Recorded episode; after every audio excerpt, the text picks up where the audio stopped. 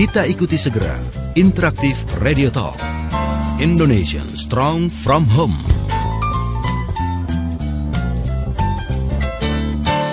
Indonesian Strong from Home bersama Ayah Edi, praktisi multiple intelligence dan holistic learning. Selamat mengikuti.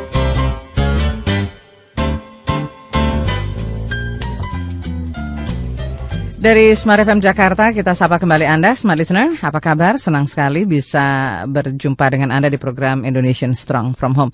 Saya Nancy Mokoginta akan bersama Ayah Edi tentunya selama kurang lebih dua jam ke depan. Dan kita akan mengundang Anda juga untuk bisa berinteraksi di 021 398 33888 atau di 0812 11 12 959. Kita akan coba diskusikan tentunya um, berita yang begitu miris belakangan ini, berita tentang tawuran dan juga statement dari uh, anak-anak yang melakukan tawuran. Nah ini memang uh, sangat kontroversial dan itu yang akan kita coba diskusikan. Bagaimana sebetulnya kita bisa melihat hal ini dari sisi yang lebih positif. Nah, apakah peran dari home education ini juga menjadi solusi terhadap carut marut uh, sistem pendidikan di Indonesia? Nah, itu yang akan kita diskusikan dan malam hari ini Ayah Edi tidak sendiri. Ayah Edi juga membawa dua tamu spesialnya. Tapi sebelumnya saya sapa Ayah dulu. Selamat malam Ayah. Selamat malam Mbak Nancy. Apa kabar? Baik sekali. Kabarnya luar biasa ya. Luar biasa. Habis muter-muter di luar gitu ya. Oke, okay, banyak sekali uh, tentunya informasi atau juga nanti uh, sharing dan pengalaman akan dibagikan oleh Ayah. Tapi saya ingin tahu nih tamu-tamu Ayah yang spesial-spesial siapa aja yang akan kita ajak diskusi juga. Yang pertama itu Pak Joko. Mm -hmm. Ya, Pak Joko pernah ke sini waktu Betul. itu. Ini uh, saya ketemu yang kedua apa ketiga ya? Kedua, yang kedua, kedua ya. Oh, yang kedua, yang kedua ya. Jadi kami undang kembali karena uh, Pak Joko ini punya pengalaman yang cukup uh, menarik hmm. begitu. Uh, sehingga beliau menghomeschoolingkan anaknya yang multi usia. Mungkin kita bisa belajar dari beliau termasuk saya karena saya belum punya anak SMP dan SMA. Mm -hmm. Jadi anaknya SD, SMP dan SMA beragam dan, ya, ya. Awalnya bersekolah mm -hmm. di uh, sekolah formal kemudian ditarik ke homeschooling tiga-tiganya. Beliau mm -hmm. kalau nggak salah lah dosen, mungkin nanti Mbak Nancy bisa tanya langsung. Mm -hmm. uh, jadi uh, dalam hal ini homeschooling uh, bukan sebuah pelarian tapi sebuah pilihan mm -hmm. dan kami menghadirkan beliau yang ada di sini karena beliau juga adalah uh, kalau dalam quote unquote adalah orang-orang pinter ya mbak. Mm. Uh, kemudian di sebelah saya ada Bu Ratih nanti Mbak Nancy bisa langsung tanyakan yeah. ke Bu Ratih. Bu, Bu Ratih ini kenal saya sudah lebih dari dua tahun ya Bu ya. Yeah, ya. Dua tahun dalam satu seminar uh, beliau juga awalnya pendengar uh, Smart FM. Yeah. Uh, beliau juga temannya kawan saya uh, mm -hmm. yang kebetulan uh, hobinya sekolah. Siapa namanya Pak? Uh, Pak Valentino. Pak Valentino Densi. Mm -hmm. Jadi gelarnya itu sampai MM MBA semua. Tapi anaknya uh, namanya Umar kalau nggak salah itu di homeschoolingkan juga awalnya dan berkonsultasi pada saya sebenarnya beliaunya yakin, cuma istrinya belum yakin, jadi istrinya diajak konsultasi sama saya. Okay. Dan yang mengejutkan adalah uh, meskipun gelarnya berbaris begitu, mm. uh, beliau uh, memilih untuk menghomeschoolingkan uh, anaknya. Nah, mungkin kita di sini bisa berdiskusi ya. Uh, di tengah carut marut pendidikan yang ada ini kira-kira uh, apa opsi-opsi atau alternatif uh, bagi para orang tua yang sedang kebingungan untuk uh, mencari solusi atau menemukan solusi bagi putra putri tercintanya begitu. Kalau kita kebetulan uh, berada di sekolah atau berada di keuangan yang oke okay, sih nggak ada masalah, tinggal -hmm. pilih katakanlah sekolah yang paling cocok, yang paling pas yang ada. Tapi bagaimana kalau kita misalnya tinggal di daerah yang jauh, mm -hmm. di pedalaman, di yang pelosok, mungkin pilihannya terbatas, yang gitu pilihannya ya? terbatas dan uh, keuangannya juga terbatas, mungkin kita bisa uh, urun rembuk di sini sama-sama. Oke, jadi kita akan nanti juga diskusi bersama tamu-tamu ayah, uh, Bu Ratih ini beliau adalah penyelenggara homeschooling cinta anak, ya. dan juga nanti ada Pak Joko, beliau ini juga. Uh, masih aktif ya Pak jadi dosen ya masih di masih. salah satu perguruan tinggi dan uh, ternyata beliau lebih memilih begitu uh, homeschooling yeah. untuk putra putrinya dia beragam ya dari ada SMP SMA dan juga uh, tadi masih sudah ini Pak ya sudah ini semua ya sudah sudah beranjak uh, lebih dewasa lagi ya iya betul oke okay. nah nanti kita akan coba ajak anda juga untuk diskusi hal ini tapi sebelumnya saya ingin ke ayah kita ingin uh, juga diskusi tentang hal-hal yang yang memang jadi miris ya, jadi perhatian cukup serius untuk kita. Ya. Nah ini bagaimana ya melihat hal ini? Ini kan sering kali bukan hanya tahun ini saja terjadi ya, ini sudah berkali-kali begitu. Ya, fenomena kekerasan atau tawuran pelajar ini sebenarnya juga pernah uh, saya alami di zaman saya mungkin juga mm-hmm. di zamannya Pak Joko. Saya dulu waktu SMP sudah ada tawuran pelajar, jadi sudah kronis ya, yeah. penyakit lama gitu.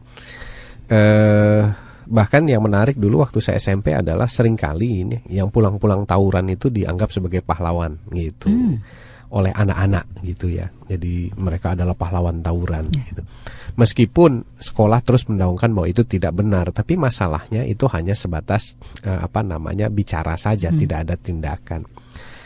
Nah, uh, kalau kita perhatikan zaman saya itu sudah terjadi dan sampai sekarang masih terus terjadi. Hmm. Berarti uh, ada sebuah uh, proses pelanggengan, yeah. pelanggengan. Uh, kekerasan ini baik uh, sadar ataupun tidak sadar. Jadi kalau menurut saya masalahnya adalah uh, bagaimana kita bisa membuat sebuah sistem yang pada akhirnya itu bisa menghentikan uh, kekerasan ini secara permanen. Mm -hmm. Ambil contoh saja begini Mbak Nancy.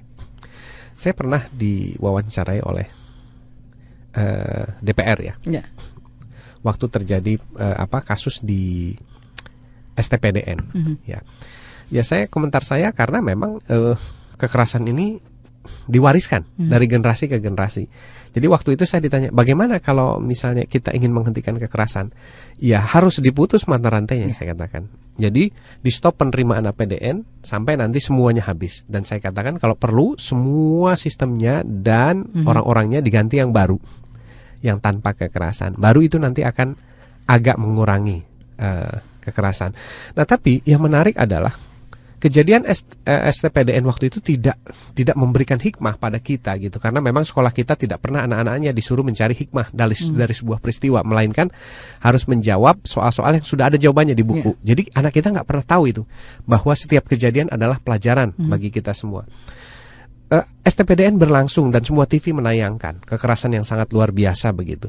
Tapi apa yang terjadi kalau kita berkunjung sekarang ke SMP SMP itu malah anak-anak SMP sekarang yang dulu zaman saya itu nggak ada. Yeah. Itu sekarang dilakukan namanya proses apa pengenalan orientasi kelas lah, kampus lah ini yang masih kecil-kecil dikalungi sama apa hmm, kacang sama ini sama ya. itu dan belum lagi bentakan-bentakan dari kakaknya. Saya sampai melihat kebetulan saya tinggal di dekat sekolah ya. Saya sampai melihat geleng-geleng kepala ya Tuhan, ini apa maksudnya? Hmm. Kok sekarang sudah sampai SMP? Mungkin nanti tahun depan kalau kita biarkan sampai SD. Mungkin TK itu bisa ada orientasi pengenalan murid TK gitu oleh kakak kelasnya. Hmm. Kan luar biasa ini. Jadi yang ditanamkan di sana adalah sebuah uh, proses contoh-contoh kekerasan yang direkam oleh anak-anak di mana anak-anak itu daya rekamnya luar biasa sekali Mbak Nancy. Oke, kalau kita menirik lagi e, tawuran yang terjadi, apakah sebetulnya ini murni dari e, katakanlah tadi murid-murid atau siswa sekolah itu atau justru sebetulnya ada hal-hal lain juga yang yang menyebabkan hal ini juga bisa terjadi? E, banyak faktor yang menyebabkan itu terjadi. Tapi kalau saya lihat adalah waktu zaman saya sekolah lah, saya hmm. refleksi zaman saya sekolah gitu. Zaman Pak Joko juga iya, sekolah, yeah. mungkin Bu Rati sekolah seangkatan gitu ya, kurang hmm. lebih gitu. Hmm. Uh, saya melihat bahwa sebenarnya sistem kita itu tidak menyentuh esensi uh, uh, apa uh, wilayah nurani. Hati nurani kita itu nggak pernah disentuh. Hmm. Uh, kemudian kalau kita bicara akhlak, akhlak itu pun nggak pernah disentuh gitu. Jadi tidak ada kebanggaan dari siswa-siswa sekolah itu kalau akhlaknya bagus. Jadi di sekolah itu yang disorot itu adalah anak-anak yang nilainya bagus, bukan yang akhlaknya bagus, gitu. Ini terbalik dengan uh, sistem pendidikan yang ada di Finlandia. Ya. Finlandia itu terbaik di dunia. Kita ada standarisasi kecukupan nilai minimal hmm. dari hmm. tiap mata pelajaran. Jadi anak-anak itu tiap hari ngejarnya mata pelajaran. Sementara di Finlandia itu tidak ada tidak ada yang namanya KKM, mm-hmm. nilai kecukupan minimal. Kenapa kata mereka? Karena setiap anak itu dirancang berbeda oleh Tuhannya untuk tujuan berbeda. Yeah. Contoh, ada anak yang tipe Formula 1. Ya mereka memang punya kecepatan 350 km per hmm, jam. Mm -hmm. Tapi ada juga anak yang dirancang seperti truk gitu. Dia punya kekuatan daya angkut besar ya kecepatannya cuma 60 km per jam. Ada lagi sedan gitu yang cuma mampu mengangkat 4 penumpang, kecepatannya sekian. Mm -hmm. Jadi masing-masing tipe kendaraan ini nggak bisa diadu di Formula 1. Sementara sistem sekolah kita itu mirip-mirip seperti Formula 1 ya balapan Formula 1 dengan mobil yang berbeda-beda kan yeah. jadi hasilnya luar biasa begitu. Mm -hmm. Yang satu Formula 1 merasa unggul, yang lainnya merasa tersisihkan. Mm -hmm. Nah, e, sementara di sisi lain, nah manusia ini bertindak itu kan ditentukan oleh uh, akhlak ya, Ya. atau apa yang ditanamkan pada Hmm. dirinya yang berhubungan dengan etika perilaku moral. Nah di kita itu tidak ada yang namanya standar etika perilaku moral. Kebalikan dengan di Finland. Finlandia itu yang ada adalah standarisasi nasional tentang etika perilaku moral. Jadi kalau misalnya seorang anak punya perilaku moral yang tidak baik, maka tidak diluluskan oleh sekolah dan Anda tidak berhak menjadi anak Finlandia gitu. Jadi prideness Sampai seperti itu ya, Ya, ya? prideness orang Finlandia itu tinggi banget. Itulah mengapa kemarin saya sampai angkat di Facebook ya. Kebetulan saya lagi ngobrol sama Santal, presenternya salah satu TV. Ya. Eh, saya katakan Finland itu terbaik karena begini begini begini. Langsung eh, beliau menimpali. Oh ya, ayah, saya pernah itu dikirim sama eh, s- apa namanya perusahaan saya ke sana gitu. Itu kejadiannya adalah katanya di sana, bukan katanya. Jadi kita tuh mau ninggalin mobil kan harus dikunci ya kalau di sini ya. Di sana nggak perlu dikunci. Udah gitu kamera tuh yang biasa kita tenteng-tenteng takut hilang. Di sana suruh taruh aja di mobil, nggak akan hilang katanya. Dan memang nggak hilang gitu. Jadi luar biasa sekali Kalau begitu, di Mbak. sini mungkin meleng dikit udah ada ya. Mobil dikunci aja dipecah kacanya kan gitu. Apalagi kita taruh benda-benda berharga gitu Mbak Nancy. Nah di situlah kita mestinya berpikir dan kaji ulang dan mengajari anak-anak kita untuk mencari hikmah dari kejadian. Jangan sampai kita menayangkan kekerasan tapi besok malah sekolah-sekolah SMP mengizinkan anak-anaknya untuk melakukan pelonco terhadap adik-adik kelas yang baru masuk. begitu. Berarti kan memang bukan hanya satu pihak saja ya, ya yang punya kepentingan dan tanggung jawab, ya, tetapi banyak pihak juga. Salah satunya mungkin seperti yang di sebelah saya yang sedang meliput ini juga punya tanggung jawab untuk mungkin memilih eh, liputan-liputan yang menarik, liputan-liputan yang Iya, positif ya, iya. sehingga itu mungkin bisa kita ambil maknanya. Betul. Baik, sebelum nanti kita diskusi dengan eh, Bu Rati dan juga Pak Joko, kita juga mengundang Anda untuk bisa berdiskusi tentang tema kita kali ini yaitu home education. Apakah ini menjadi satu pilihan untuk bisa menghadapi eh, carut marutnya sistem pendidikan yang ada di Indonesia? Tentunya selepas informasi berikut ini. Masih Anda ikuti Indonesian Strong from Home bersama Ayah Edi, praktisi multiple intelligence dan holistic learning.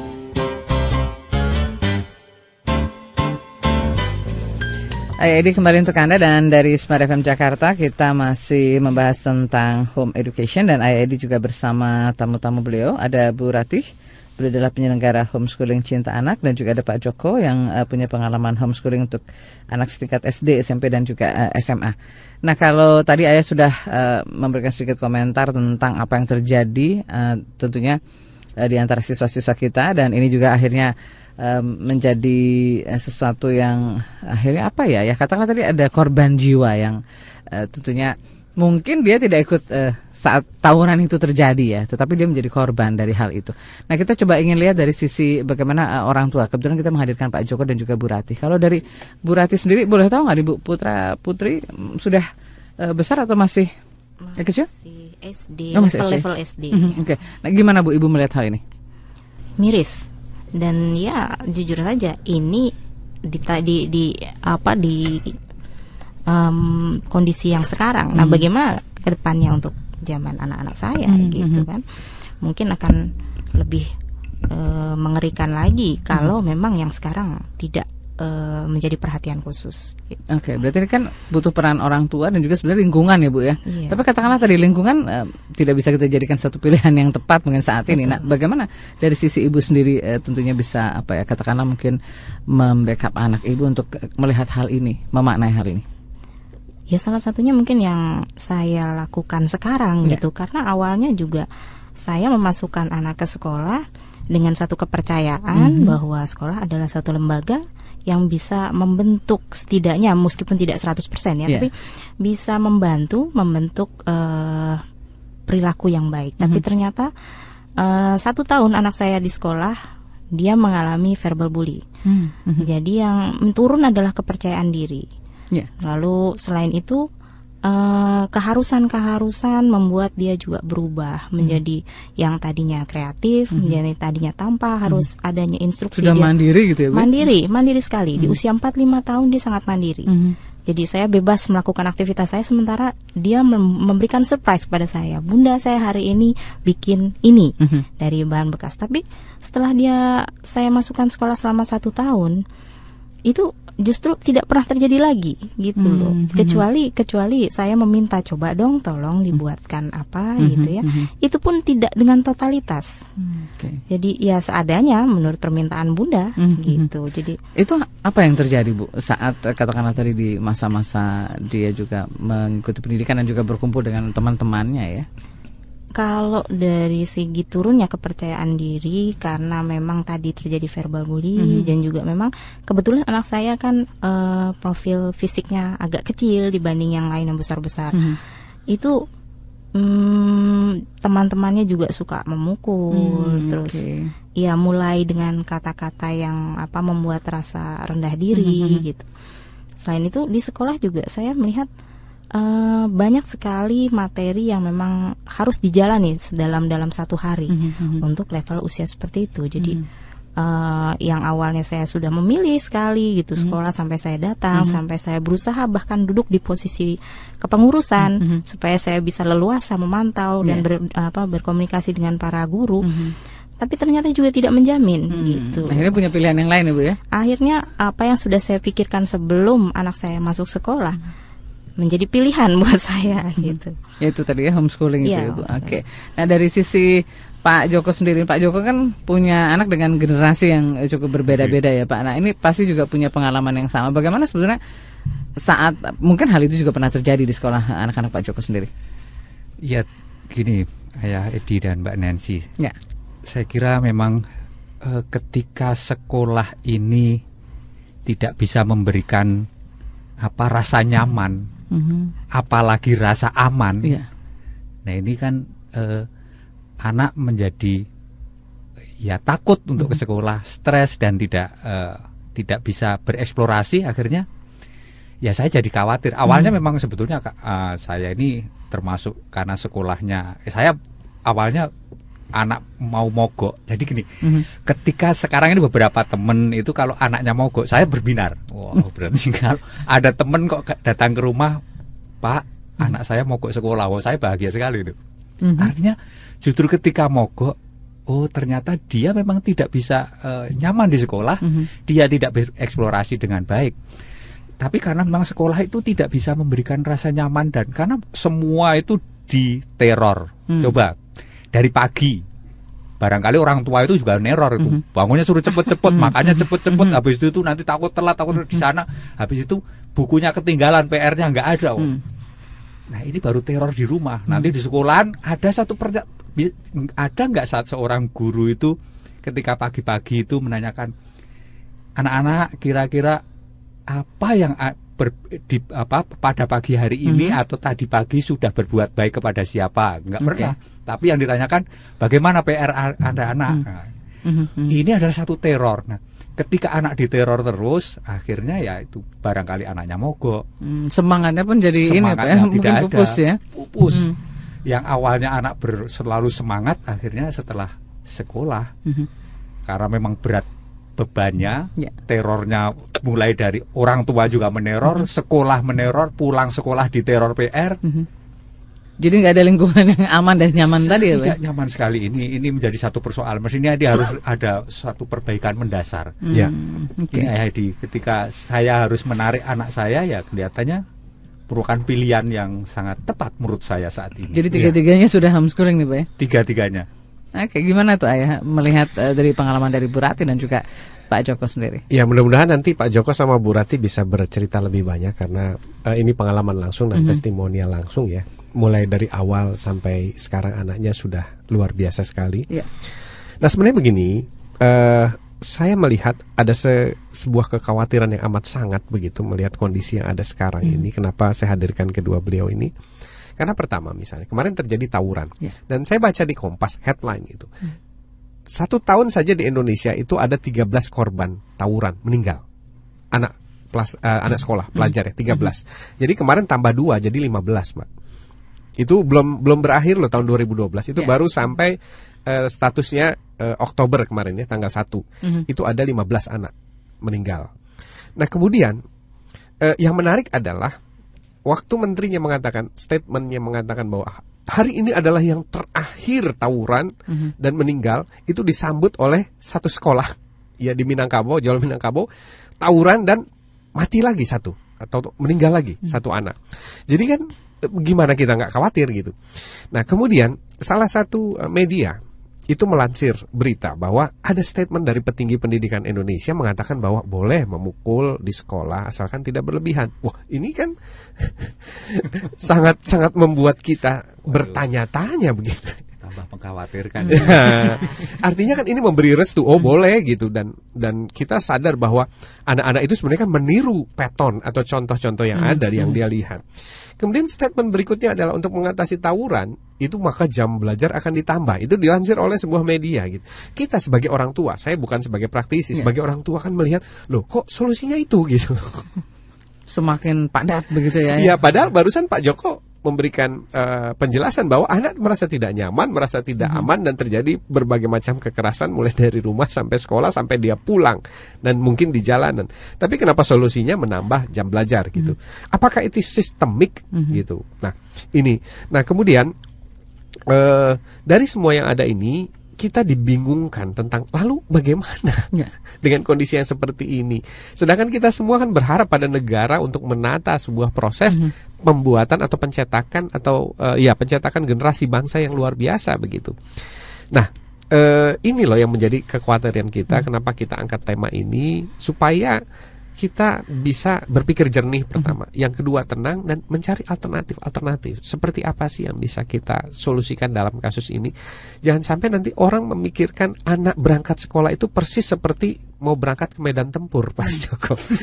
Perasaan orang tua juga khawatir, Iya, cemas gitu ya. Nak berdoa dulu ya nak, gitu ya. Eh, Jangan-jangan nanti kamu tinggal pulang nama kan. ya ini ini sebuah joke tapi ya kenyataan kan. Kita lihat gitu ada 13 plus 2 korban belum sampai akhir tahun 2012 kita lihat nanti apakah 2012 ditutup lagi dengan tawuran kan begitu.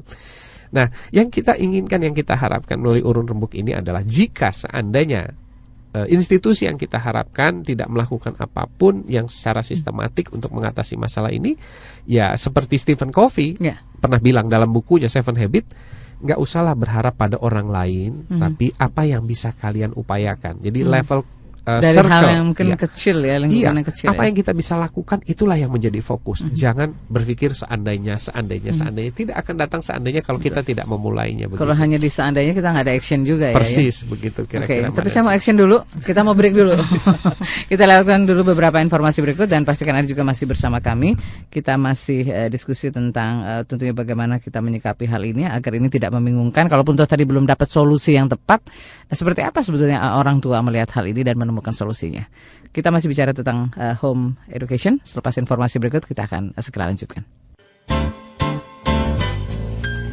Kita masih bersama Anda dari eh, Smart FM Jakarta dan kita juga menyapa Anda di mana pun Anda berada melalui eh, melalui seluruh jaringan Smart FM Network dan pastikan Anda juga bisa diskusi karena eh, line telepon maupun line SMS kita buka untuk Anda dan kita masih eh, bicara tentang eh, bagaimana kita menyikapi hal yang eh, belakangan ini terjadi dan eh, katakanlah tadi tawuran nah bagaimana kalau hal ini terjadi pada generasi penerus kita nah ke depannya akan seperti apa tentunya ya eh, negara atau bangsa ini. Nah, bagaimana sebetulnya mencari solusi yang tepat? Nah, ini juga eh, Ayadi mengundang Bu Ratih. Eh, beliau ini adalah penyelenggara homeschooling cinta anak dan juga Pak Joko ini yang punya pengalaman bagaimana menyikapi eh, putranya yang tentunya punya level berbeda dari tingkat SD, SMP dan SMA dan akhirnya memutuskan untuk eh, bisa eh, mengikuti homeschooling.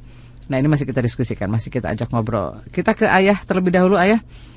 Tentunya kan bagaimanapun juga kehidupan kita pasti juga akan bersentuhan dengan lingkungan seperti itu. Nah, apa yang perlu mungkin kita mungkin tidak dibentengi, tetapi mungkin kita menyikapi hal ini lebih positif.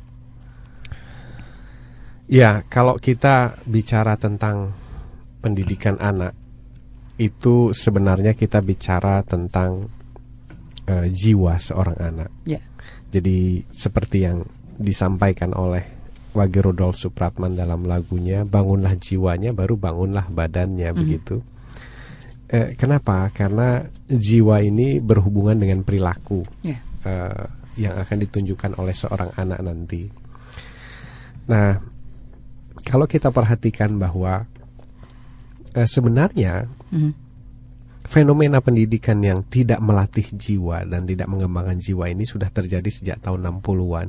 Di Amerika, Thomas Licona itu pernah memperingatkan pemerintah Amerika.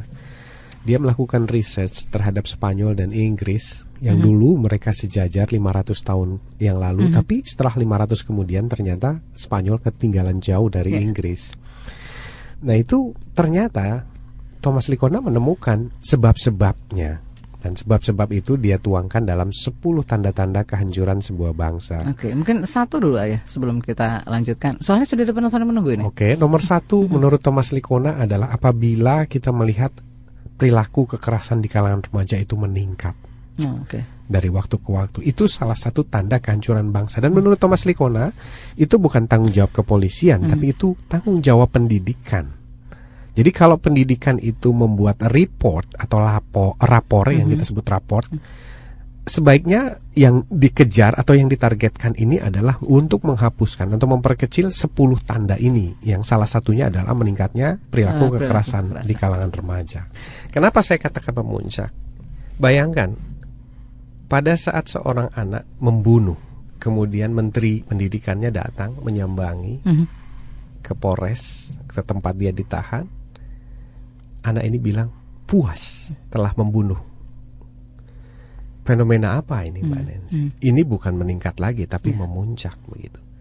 Jadi sebenarnya ya kalau kita sadari bahwa itu sudah terjadi dari zaman saya sekolah dulu ya nggak usah terlalu amat kaget begitu. Berarti tidak ada eh, apa namanya perubahan dan tidak ada eh, Solusi yang solusi yang lebih- sistematis lebih yang menghentikan ini begitu. Oke, solusi terbaiknya sekarang ini kita terima telepon dulu karena sudah ada Iya, tanda baik. dari Mas Bo.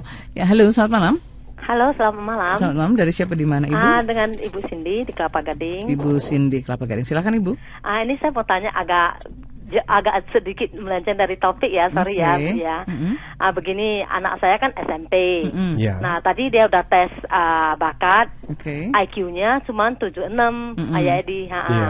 Jadi 76 itu kan sebenarnya rendah di bawah di bawah ini loh tu- seharusnya kan 79 itu yang paling ini sedangkan anak saya 76 tapi saya udah tes ininya otak kanannya tinggi Oke. Iya. Ot- otak kanannya 75%. Nah, itu dengan sistem gimana ya saya mau lanjutkan dia ke sekolah apa atau kejuruan atau gimana? Mau mohon Ayah Edi eh, kasih saran gitu. Oke, baik Ibu. Ah. Terima Ya, kasih Bu baik. Cindy di Kelapa Gading. Eh, saya coba cuplikan sendiri eh, sedikit ya komentar dari seorang profesor PhD dari Harvard University namanya Pak Howard Gardner pencetus yang namanya multiple intelligence. Beliau mengatakan bahwa tes IQ ini sesat. Jadi siapa yang masih pakai tes IQ dia mengikuti kesesatan. Kenapa sesat? Katanya Pak Howard Gardner. Eh 76 aja orang tua bingung loh Hmm. Panik loh anaknya 76 padahal dulu Thomas Edison itu IQ-nya dibilang nol gitu. Hmm. di bawah rata-rata dan dia sih nggak panik iya ya. dibilang anaknya itu disable learning tidak mampu mengikuti belajar mungkin masuknya kategori idiot bu gitu. Atau apa pun ya. Tapi ibunya malah bersumpah bahwa nah mari kita buktikan pada dunia bahwa kamu tidak seperti apa yang mereka bilang. Ya. dan jadilah eh, Thomas Edison jenius dunia dengan seribu temuan yang dipatenkan pemilik General Electric perusahaan elektrik terbesar di Amerika. Nah, mungkin atas dasar inilah Pak Howard Gardner akhirnya menyimpulkan bahwa tes IQ ini sesat. Bagaimana kita bisa menjelaskan fenomena Edison kalau kalau dengan tes IQ ini ternyata dia jauh di bawah rata-rata begitu. Artinya jangan percaya sama tes. Nah, statement dari Pak Howard Gardner berdasarkan penelitian riset otak bersama teman-teman yang mengatakan bahwa setiap anak itu cerdas Ya. pada bidangnya masing-masing. Hmm. Jadi nggak bisa semua anak itu dites dengan pola yang sama. IQ itu menggunakan tes pola logika. Jadi hanya anak-anak yang logikanya tinggi dan otak kiri saja yang hasilnya sangat signifikan. Itu pun kata Pak Howard Gardner masih dipengaruhi oleh faktor emosi level. Itulah yang menyebabkan kalau dia dites di 10 tempat hasilnya pasti beda-beda kata Pak Howard Gardner. Tergantung level emosi pada saat itu. Waktu misalnya dia datang ke jebak macet 3 jam sampai di lokasi dites mungkin dia hasilnya bisa jeblok itu. Dan sebaliknya. Nah, jadi Pak Howard Gardner mengatakan, "Sudahlah, kalau percaya sama saya, lebih baik ikut observasi atau lakukan observasi sendiri di rumah terhadap anak Anda. Apa yang diobservasi kecenderungan-kecenderungan kehebatannya di mana? Nanti mungkin Pak Joko bisa cerita ya. Anak nomor satu apa anak nomor dua itu beda-beda walaupun orang tuanya sama. Seandainya kita lakukan itu kata Pak Howard Gardner maka Anda sedang mengembangkan seorang jenius di rumah Anda. Tapi kalau Anda melakukan tes IQ maka Anda membuat si jenius tadi jadi goblok katanya. Hmm. Jadi justru terbalik Nan- ya. nanti kalau statement Pak Pak apa Pak Howard Gardner ini keliru boleh ditanya sama Pak Joko karena Pak Joko ini anaknya sangat ekstrim ekstrim ya satu dan lainnya beda bidang yang awalnya mungkin terpendam di bawah tanah sekarang baru kelihatan. Oke, Pak Joko juga melalui proses yang cukup panjang nih Pak Joko ya untuk bisa sampai menemukan satu pilihan tentang eh, homeschooling ini sendiri. Boleh cerita nggak Pak? Bagaimana sekarang Mas Andri ini kabarnya? Ini Mas Andri ini eh, Sebelum dan sesudah loh. Pak. sebelum dan sudah. Jadi ketika kita biasa-biasa sekolah ikuti ya dengan prosedur sekolah yang normal-normal saja Yang biasa umumnya biasa gitu ya, umum-umum Pak, ya. saja lah. SD SMP SD, gitu ya. SMP, SMA, SMA ini yang eh, terjadi. Tapi sebetulnya tanda-tanda dari kecil itu sudah muncul. Kalau kita itu mau memperhatikan Apa seperti itu, Pak? Nah, pernah satu saat I- eh, saya pulang dari eh, ini baru teringat sekarang-sekarang ini. Iya. Waktu itu saya habis kundangan Iya. masih pakai baju batik lengkap dengan sepatu dan sebagainya, kita ke Ancol sana. Iya. Anak itu masih kecil, Iya. Itu Umur loncat langsung ke laut. umur berapa itu kira-kira? Masih baru uh, satu setengah tahun itu. Satu kira- setengah iya, tahun udah loncat, ke laut. Nggak ada takut-takutnya. Nggak tahu. Akhirnya sepatu yang seperti saya juga loncat semua, jadi basah semua sepatunya. Panik ya. Waktu itu seandainya, Mm-mm. seandainya saya bisa menemukan dan oh ternyata si anak itu sekarang jadi penyelam yang hebat. Mm-mm. Bahkan terakhir kemarin Iya. ini dalam satu satu tim penyelaman eh, dia bisa nyelam malam hari. Oh. Ini sungguh luar biasa dan itu baru ditemukan setelah dia homeschooling. Ketika tidak homeschooling, belum homeschooling seperti sekolah biasa ya, biasa-biasa aja sekolah, pulang, main, tidur, Yang rutin gitu ya. Ya? rutin. Yang perlu kalau kalau pegang handphone itu sudah nggak bisa didengerin. TV paling. Jadi nggak ada satu komunitas eh, komunikasi dengan orang tua dengan baik. Tapi ketika homeschooling ini luar biasa. Kita pulang itu sudah disambut dengan cerita yang luar biasa banyak ceritanya Mhm, mhm. dan sudah menemukan berbagai macam komunitas. Komunitasnya kalau homeschooling katanya itu menjadi ter, menyendiri, tidak punya ga- tidak gaul. Tapi sekarang gaulnya tidak mulai dari anak-anak kecil sampai profesor malah. Hmm, jadi sebenarnya tidak terbatas ya Pak, tidak, tertutup terbatas, begitu tidak ya. tertutup dan komunika- komunikasinya malah justru luar biasa. Nah, Iya.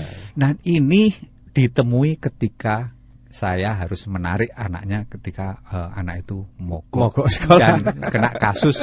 Padahal sekolahnya dengan sekolah unggulan, Hmm. Unggulan. unggulan dan sudah SN apa ya standar nasional bahkan Iya. ISO. Tapi eh, perilaku kekerasan Iya, menangani perilaku orang iso ya. Oh, mungkin ya itulah eh, jadi ketika khusus Andri itu bisa bisa padahal kalau ketika kita temukan waktu kita perhatikan eh, karena saya telat ketemu dengan Ayah Hedi jadi Se- seperti apa Pak Joko? Sebelumnya seperti apa sih Mas Andri itu? waktu kecilnya itu dia bisa cerita berkomunikasi dengan baik sangat eh, lincah sekali tapi Ya. ketika sekolah semakin mundur sekolah mungkin pacaran bahkan pernah Ya. suatu saat dia merokok Hmm.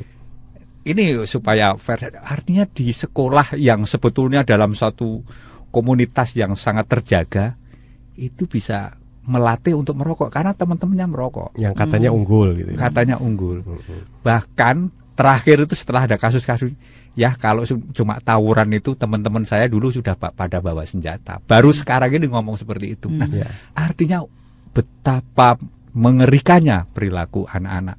Saya belum lagi nanti yang pergaulan-pergaulan yang tidak benar. Ini baru eh, merokok saja udah berarti dan itu menjadi satu waktu itu ketika saya menemukan rokok di tasnya itu luar biasa. Ini kenapa? Tapi sekarang karena penyelam pasti sudah dilepas. Bebas rokok ya. Bebas rokok. Biar Kan- kuat nafas.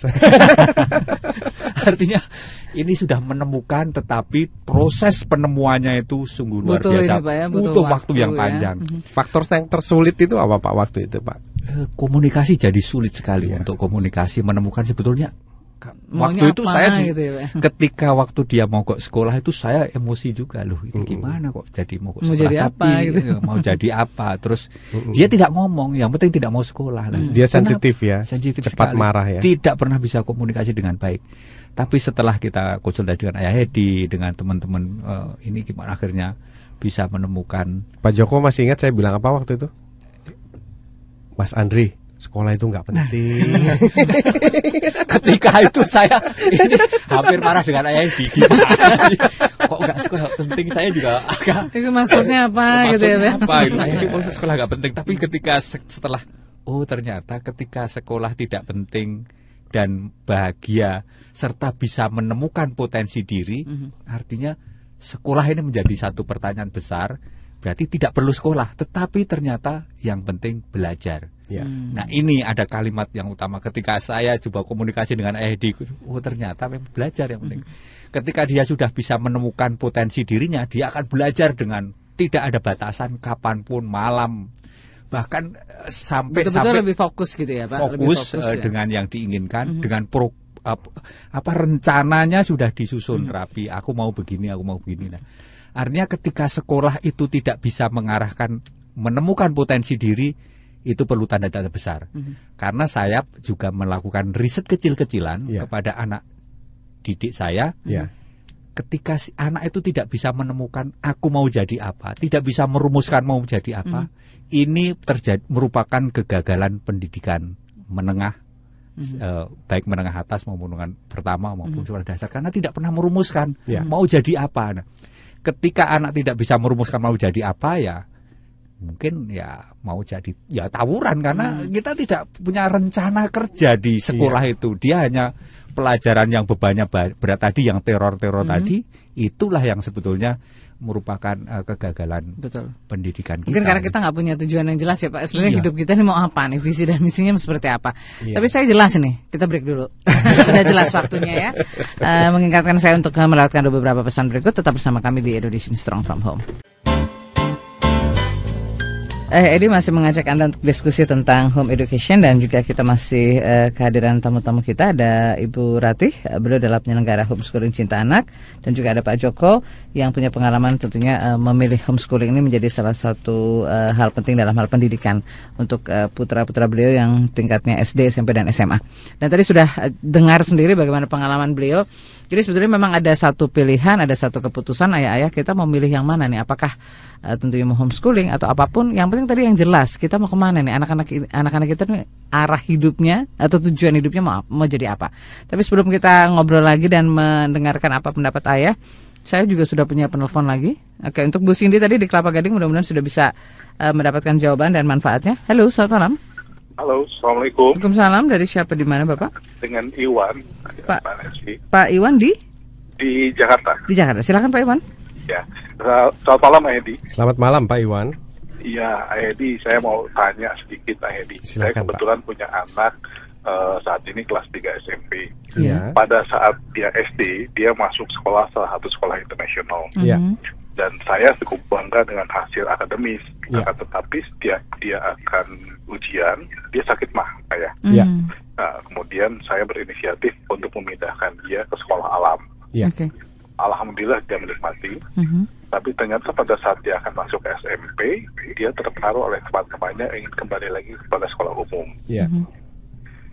Pada saat dia masuk sekolah umum, dia kelas 1, kelas 2 cukup baik. Cuma kelas 3, dia akademis cukup baik. Cuma saya ngerasa dia tidak nyaman dengan sekolah itu. Ya. Begitu. Saya agak kesulitan untuk mengajak dia berkomunikasi. Bahkan saat ini dia ingin kembali kepada homeschooling sebetulnya. Ya. Ya. Nah, terjadi juga ada anak saya yang kedua, ayah. Anak Iya. saya yang kedua ini baru kelas 4 SD di salah satu sekolah yang cukup baik di Iya. Jakarta.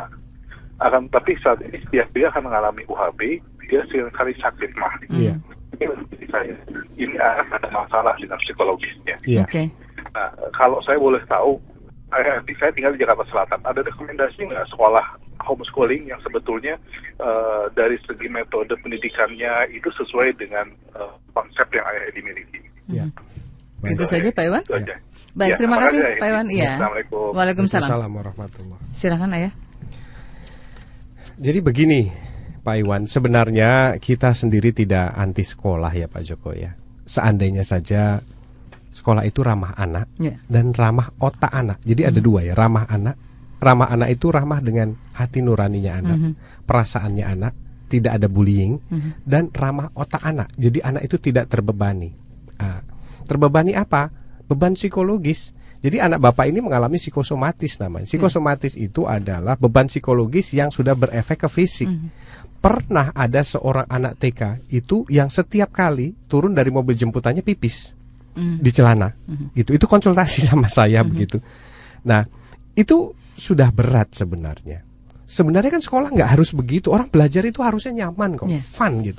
Otak kita ini baru bisa bekerja itu kalau kita merasa enjoy. Nyaman ya. Kalau kita tertekan, mau pidato saja hilang semua kok yang ada di kepala begitu. langsung buyar konsentrasi Nah, ya. jadi begini Pak, Eh, saya ambil salah satu sekolah alam yang dimotori oleh Bang Lendo Novo ya. Mhm. Eh, beliau seorang engineer, jadi so- eh, sorry seorang eh, apa arsitek atau insinyur ya, insinyur. Nah, eh, seperti biasa bahwa inovasi-inovasi itu datang eh, dari bidang-bidang yang di luar pendidikan. Ya. Jadi sama beliau punya pikiran sama saya. Jadi harusnya sekolah itu tidak membebani anak dengan seperti itu. Nah akhirnya apa yang terjadi? Sekolah alam yang dimotori oleh Bang Lendo ini mengambil inisiatif tidak ada ujian. Hmm. Untuk apa ujian? Nanti tanya sama Pak Joko ya, Pak Joko yang sudah anaknya di eh, melamar di eh, perguruan tinggi negeri, apakah ujian itu diperlukan gitu? Nah ternyata wawancara yang lebih diperlukan. Tujuan, tujuan mau jadi apa itu lebih ditanyakan. Itu lebih menentukan apakah dia diterima atau tidak ketimbang nilai-nilai. Ya. Nah, yang menarik adalah bahwa Bang Lendo itu membuat sekolahnya lebih memilih mengikuti paket A B. Jadi ujian penyetaraan Pak Joko persis seperti homeschooling. Jadi dia tidak ingin membebani anak-anaknya dengan itu hal-hal yang yang nggak nggak ada gunanya menurut Bang Lendo ya. Kenapa? Karena ujian-ujian yang memeras otak dan membuat anak kita sakit ini ternyata tiga atau dua hari kemudian juga udah lupa semua itu jawabannya. Nggak nggak sampai sebulan itu. Nah, Ya. akhirnya seperti itulah. Makanya saya sering merekomendasikan bagi yang berkecukupan secara finansial bisa mengambil eh, jalan sekolah alam. Ya, tentunya sekolah alam yang peduli anak. Ya. Nah, hanya memang sekolah alam itu tidak umum, tidak biasa di Indonesia karena konteksnya belajarnya itu sambil bermain, Pak Joko. Jadi eksploratif, Bu Rati. Nah, orang Indonesia punya pemikiran bahwa belajar itu harus serius, duduk tenang dan harus tegang. Jadi sekolah alam ini dianggap aneh, Aneh. begitu. Tapi ini untuk informasi saja, Pak. Teman-teman dari sekolah alam yang yang pernah eh, mengikuti pelatihan dan kami diundang ke sana, itu banyak yang cerita pada saat mereka pindah ke luar negeri, Pak Joko. Itu belum sampai lulus ya. SMP, SMA pindah ke luar negeri. Mereka apply tuh sama sekolah di luar negeri. Jadi nggak nggak mengalami kesulitan sama sekali begitu. Kurang lebih sama lah cara belajarnya sama di sana. Sebenarnya Indonesia punya gitu. Nah, kenapa sekolah alam ini menamakan dirinya sekolah alam? Karena dia adalah deviasi dari sekolah yang ada, nggak mau ngikutin sekolah yang ada, ya nggak apa-apa begitu. Eh, toh faktanya nanti kita bisa tanyakan sama Pak Joko apa sih sebenarnya yang diminta oleh sekolah-sekolah di luar negeri itu untuk bisa mendapatkan beasiswa atau diterima di sana. Nanti kita akan tercengang ya bahwa eh, mereka tidak tidak peduli, tidak kalau Pak Joko tadi bilang tidak kenal apa Pak U, UN. UAN tidak kenal UAN gitu ya dan sebagainya begitu. Nah berkaitan dengan eh, putra bapak tadi ya, eh saya sih sebenarnya melihat bahwa kasus yang terjadi adalah ini pengaruh kuat dari teman-temannya. Nah padahal hatinya sendiri cocok di sekolah alam. Nah terus yang kedua mungkin juga dari pemikiran bapak secara alam bawah sadar atau keluarga ada yang melihat bahwa sekolah alam itu sepertinya tidak punya masa depan, main-main saja sehingga mungkin itu tersampaikan ke alam bawah sadar anak sehingga pikirannya berubah. Dan sekarang dia baru tersadar dalam kondisi toksifikasi. Saya menyebutnya sudah teracuni dengan sekolah eh, formal yang ada seperti anaknya Pak Joko waktu itu ya, mogok sekolah. Waktu saya masih ingat ya wajahnya Mas Andri tegang, kemudian matanya tajam, jadi sensitif. Jadi kalau kita salah ngomong dia langsung merah mukanya gitu nggak seperti sekarang. Sekarang senyum. Dari jauh itu udah senyum begitu senyum saja isinya sekarang ini. Sudah lebih happy gitu. Iya, dulu nggak pernah mau belajar sampai ibunya pernah cerita, kamu ini kok nggak belajar belajar mau ujian. Nah, Sekarang setelah ikut homeschooling ini, kamu ini kok nggak tidur tidur, belajar terus gitu. Nah, eh, kalau pertanyaan mengenai eh, homeschooling Pak yang cocok itu saya sih berpikir ya Pak kalau seandainya Bapak tidak cukup punya waktu lebih baik mungkin ke sekolah alam. Gitu. Cari dipilih sekolah alam yang kira-kira eh, apa namanya ramah anak dan ramah otak. Tapi kalau memang Bapak berniat homeschooling, nah homeschooling itu tidak ada formalitasnya. Hmm. Jadi homeschooling itu adalah keinginan individu. Nah, nanti kita bisa tanya bagaimana Pak Joko menyelenggarakannya dan bagaimana Bu Rati menyelenggarakannya. Nah, Bu Rati sama saya ini kebetulan sama usia anaknya jadi nyelenggarainya bareng. Hmm, oke. Nah, jadi sebenarnya inisiatif orang tua. Oke. Uh, uh, jadi kalau formal lagi namanya schooling lagi itu. Oke, Bu dari pengalaman Bu Rati sendiri gimana Bu? Memutuskan untuk ke akhirnya eh, putra Ibu menjalani ini ya home education atau homeschooling itu sendiri. Ya, karena memang anaknya sendiri nggak mau. Hmm, Oke. Ya, nggak mau, nggak mau sekolah, benar-benar nggak mau sekolah. Dan saya sendiri apa ya istilahnya mungkin refleks refleksi ya, Mhm. lebih refleksi ke masa saya dulu. Bagaimana saya merasa tertekan dengan ujian-ujian yang Nggak menikmati ya nggak sekolah menikmati ya? karena setelah ujian tuh udah hilang semua. Sekarang Untuk juga nggak tahu ya Bu ya kita mau ingat Nggak apa lagi. tahu. Untuk apa juga nggak tahu, nggak kepake juga semuanya gitu loh. Setelah saya pikir lagi, ya benar. Untuk apa saya memaksa anak saya kalau saya dulu sendiri merasa terpaksa gitu. Yang saya inginkan adalah sa anak saya bahagia. Untung Novel punya sikap ya Bu ya. Ya, dia bilang nggak mau, Punya benar-benar sikap mau. tidak mau sekolah gitu Oh ya. ya, waktu itu dia bilang, abang mau sekolah sama bunda aja, Mhm. gitu. Oke. Ya awalnya saya bingung, tapi sebelumnya saya memang sudah istilahnya melirik ayah ini nih. Terus saya dari jauh udah, aduh, kayaknya saya harus punya apa ya istilahnya mungkin backup gitu ya, Ah, seorang praktisi yang mungkin bisa saya ajak sharing untuk apa itu ya. Ya karena yang berat ini ya Bu ya pandangan masyarakat Ya. ya, keluarga terutama ya Bu. ya. Berat sekali, saya dianggap orang aneh. Oke. Terus eh ya itu anak saya bilang tidak mau ya sudah saya berpikir intinya saya ingin anak saya bahagia dan satu hal yang mm, orang sekolah sudah sekolah selesai ya sudah mereka tidak mau belajar lagi atau tidak berusaha mencari tahu apa yang dia suka jarang sekali gitu orang melakukan itu saya berpikir saya ingin anak saya itu menjadi orang yang senang belajar Hmm, Jadi selalu punya semangat ya Bu ya. rasa ingin sukacita tahunya itu. terus Saya, apa- saya banget. tertarik tuh sama statementnya Bu Ratih tuh. Jadi ponakan saya kan sekolah nih. Ya. Eh, Rata-rata kan dia juara Pak Joko. Ra- Ranking 1, ranking 2, paling paling rendah ranking 3. Terus cerita ke saya kan biasanya ngasih angpau gitu ya. Karena juara gitu. Tapi saya sering nyentil nih. Nyentil karena anak saya kan homeschooling gitu ya. Saya sentilnya gini. "Eh, terus kalau kelas 3 bisa apa? Karena kan yang yang manusia nanti pada saat di kehidupan nyata kan yang ditanya itu bisa apa loh? Bisa apa? Pak Joko bisa apa? Mas Andri bisa apa? Mas Rian bisa apa kan? Bukan Pak Joko nilainya berapa kan kayak gitu. Oke, Gitu. baik. Saya tanya bisa apa itu? Ya bapaknya, ibunya, anaknya diem aja nggak bisa jawab. Tapi saat ini saya bisanya adalah kita take a break for a while lagi ya karena waktunya saya juga melewatkan ada satu informasi yang akan eh, kita ikuti di pukul 21 dan pastikan Anda juga masih kembali untuk kita di satu jam berikutnya di Indonesian Strong From Home. Indonesian Strong From Home masih menyapa Anda dan kita sudah berada di satu jam berikutnya. Saya juga pu- punya satu informasi dan ini juga mungkin bisa jadi sa- salah satu solusi eh, bagaimana kita eh, lebih memahami anak kita. Karena Ayah Edi kan hadir di Semarang. Ini eh, dalam parenting seminar bersama Ayah Edi yaitu membebaskan anak dari stres di era hyper competition.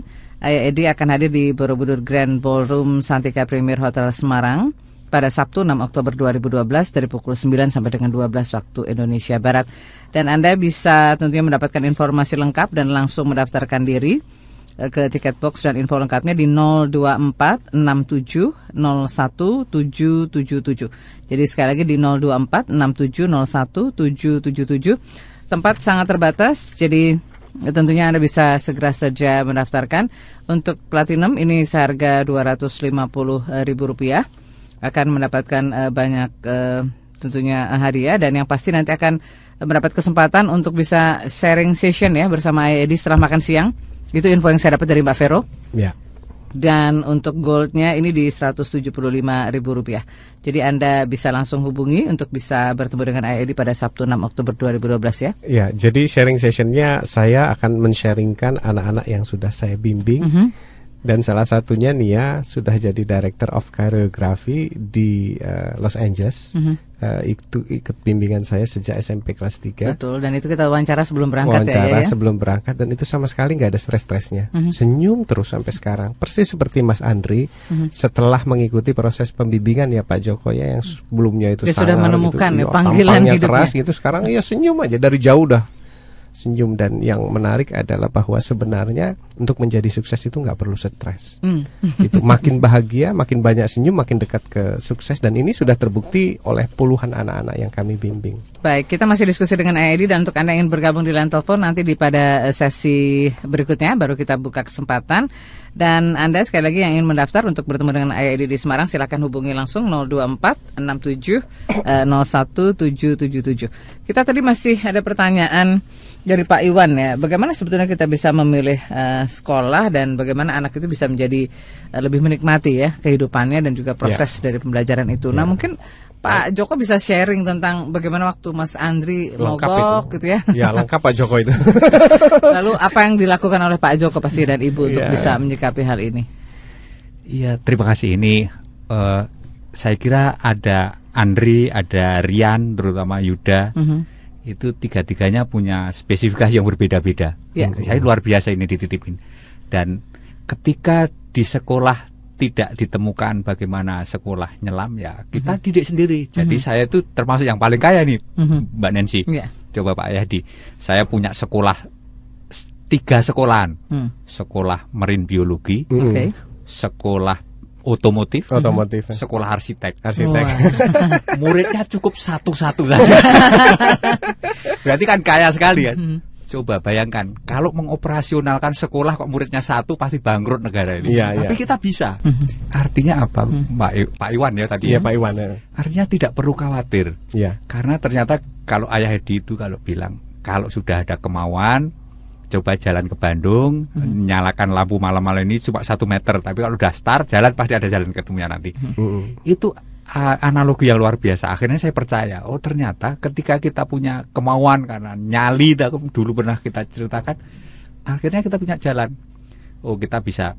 Artinya pada saat oh tidak ada sekolah yang mau menerima karena begini salah satu contoh ketika Mas Rian itu Mm. eh, tidak diterima dengan portofolio yang sudah banyak juaranya itu di sekolah unggulan eh, oh apa SMK. SMK yang hebat ternyata ditolak dicoret karena nilainya cuma sekian Ya, nilai jadi- nilai akadem- akademisnya. Iya, nilai prestasi ya. Ya, tapi nilai prestasi yang eh, sertifikat macam-macam ditolak ya Ditolak. sudah Hmm. cari sekolahan lain. Tapi ternyata di sekolah itu juga tidak eh, memuaskan juga akhirnya tarik homeschooling. Hmm. Dan ketika eh, di homeschooling itu ya kita langsung menemukan si anak itu sekolahnya sesuai dengan yang diinginkan. Misalnya ke bengkel, Ya. bengkel jadi eh, apa semacam toilet assistant itu Mhm. dia happy sekali sekarang ini kalau sekarang saya coba bandingkan eh, eh, Mas Rian itu ketika teman-temannya yang sekolah biasa Mhm. tidak bisa menyelesaikan persoalan otomotifnya tapi Rian yang tidak sekolah Mhm. tetapi belajar bisa menyelesaikan Lebih cepat. lebih cepat membongkar mesin, masang dan bahkan ini teman-teman yang sekolah set- itu kalau benerin motornya ke Rian yang tidak Oke. sekolah itu. Iya, iya. Artinya kan sangat luar biasa. Artinya eh, yang uang tadi untuk sekolah biasa kita belikan modal fasilitasi saja. Saya tidak ahli otomotif, tapi hanya mendorong eh, memberikan fasilitas yang tidak berlebihan ternyata menghasilkan yang luar biasa. Oke, tadi intinya adalah eh, bukan hanya sekedar mungkin sekolahnya, tetapi belajarnya ya. Ya, jadi kira-kira begini waktu itu kejadiannya Pak Iwan. Jadi eh, anaknya Pak Joko eh, mogok gitu terus datang ke tempat saya. Ya saya bicara sama Mas Ria, ah, Mas Andri ya. Ah, ini Pak Joko kalau masih ingat saya bilang sekolah itu nggak penting nak, nggak usah lah, nggak usah pikirin sekolah. Mulai besok kamu nggak sekolah, ayah setuju.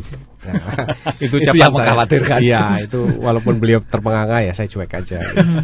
Tapi saya bilang nak, kamu akan hancur hidupmu kalau kamu nggak punya cita-cita dan nggak mau nggak tahu mau ke mana. Jadi tugasmu hari ini berhenti sekolah, terus temukan apa yang kamu mau. Nah itu dapat dua itu waktu itu eh, Pak Iwan. Satu pengen ngeband, Mhm. satu lagi suka nyelam. Ya sudah, mulai besok saya bilang. Jadi nggak nunggu lama-lama. Jadi prosesnya sederhana itu Pak homeschooling. Mulai besok kamu cari grup band, satunya lagi sekolah selam. Nah, terus habis begitu apa ya? Habis begitu cari kamu yang menonjol di mana, yang paling kuat, yang paling hebat, yang paling kamu cintai. Baru ketahuan setelah tiga bulan ke selam ya Pak Iya, Joko. betul. Akhirnya nggak usah disuruh itu ngebandnya luntur sendiri, ditinggalkan lari ke selam. Nah, begitu ketemu selam, saya tanya, nak, kalau kamu milih selam, kira-kira profesi apa Mas Andri yang kamu mau cita-citakan di dunia ini yang ada? Kamu cari. Jadi saya tuh ujung-ujungnya ke Mas Andri itu selalu ujungnya cari, cari, cari. Wah itu cuma sama dia seminggu, seminggu, seminggu tuh ketemu. Mulai dari sekolahnya, profesinya, syarat-syaratnya. Saya bilang cari, nak, cari. Jadi dengan cara cari itu, Pak Iwan akhirnya dia menemukan ingin jadi apa, sekolahnya ada di mana, persyaratannya apa. Nah setelah ketemu sekolahnya di mana, profesinya apa, persyaratannya apa, wes lari kenceng. Yang tadinya nggak mau belajar, belajar sampai jam 2 malam itu. Saya minta bikin proposal, dibuatkan proposal. Sampai akhirnya dari seorang yang mogok, yang marah, yang berantem katanya, terus sama apa orang tuanya kurang akur waktu itu, sampai sekarang itu punya life plan proposal, rencana hidup. Sampai saya itu malu Pak Iwan sebenarnya. Saya dulu nggak punya rencana hidup waktu sekolah itu. Tapi itu anak- justru jadi kebanggaan kita ya, ya karena Iya. anak-anak sudah menemukan eh, bagaimana sih sebetulnya tujuan hidupnya. Ya. Iya dan nggak ada stres dalam menjalani itu.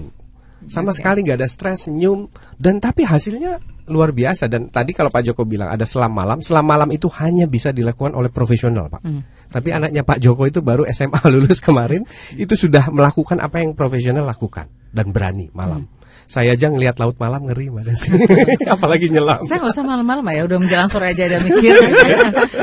Oke, nah kan eh, pasti juga banyak orang tua yang bertanya-tanya nih Bu Ratih ya, bagaimana sebetulnya juga memilih atau tadi punya nyali ya, punya sikap untuk eh, menentukan apa sih sebetulnya yang eh, lebih tepat begitu ya. Eh, kita nggak bicara yang terbaik, tapi yang lebih tepat untuk anak kita. Ini gimana Bu? Tadi menghadapi sikap dari keluarga terutama, tetapi Ibu juga tetap yakin dengan pilihan ini? Iya karena pada dasarnya saya sendiri sudah merasakan Iya. bahwa apa yang saya alami itu dan saya coba refleksikan tidak banyak gunanya. Hmm, gitu. jadi jangan sampai terulang kembali ya. Ya, maaf kalau saya tidak banyak gunanya. gitu. Jangan sampai terulang pada anak saya. Hmm. Bahkan sempat eh, suatu malam sampai semalaman eh, saya dan suami berdebat, Oke. berdebat tentang menurut saya UN itu tidak penting Hmm.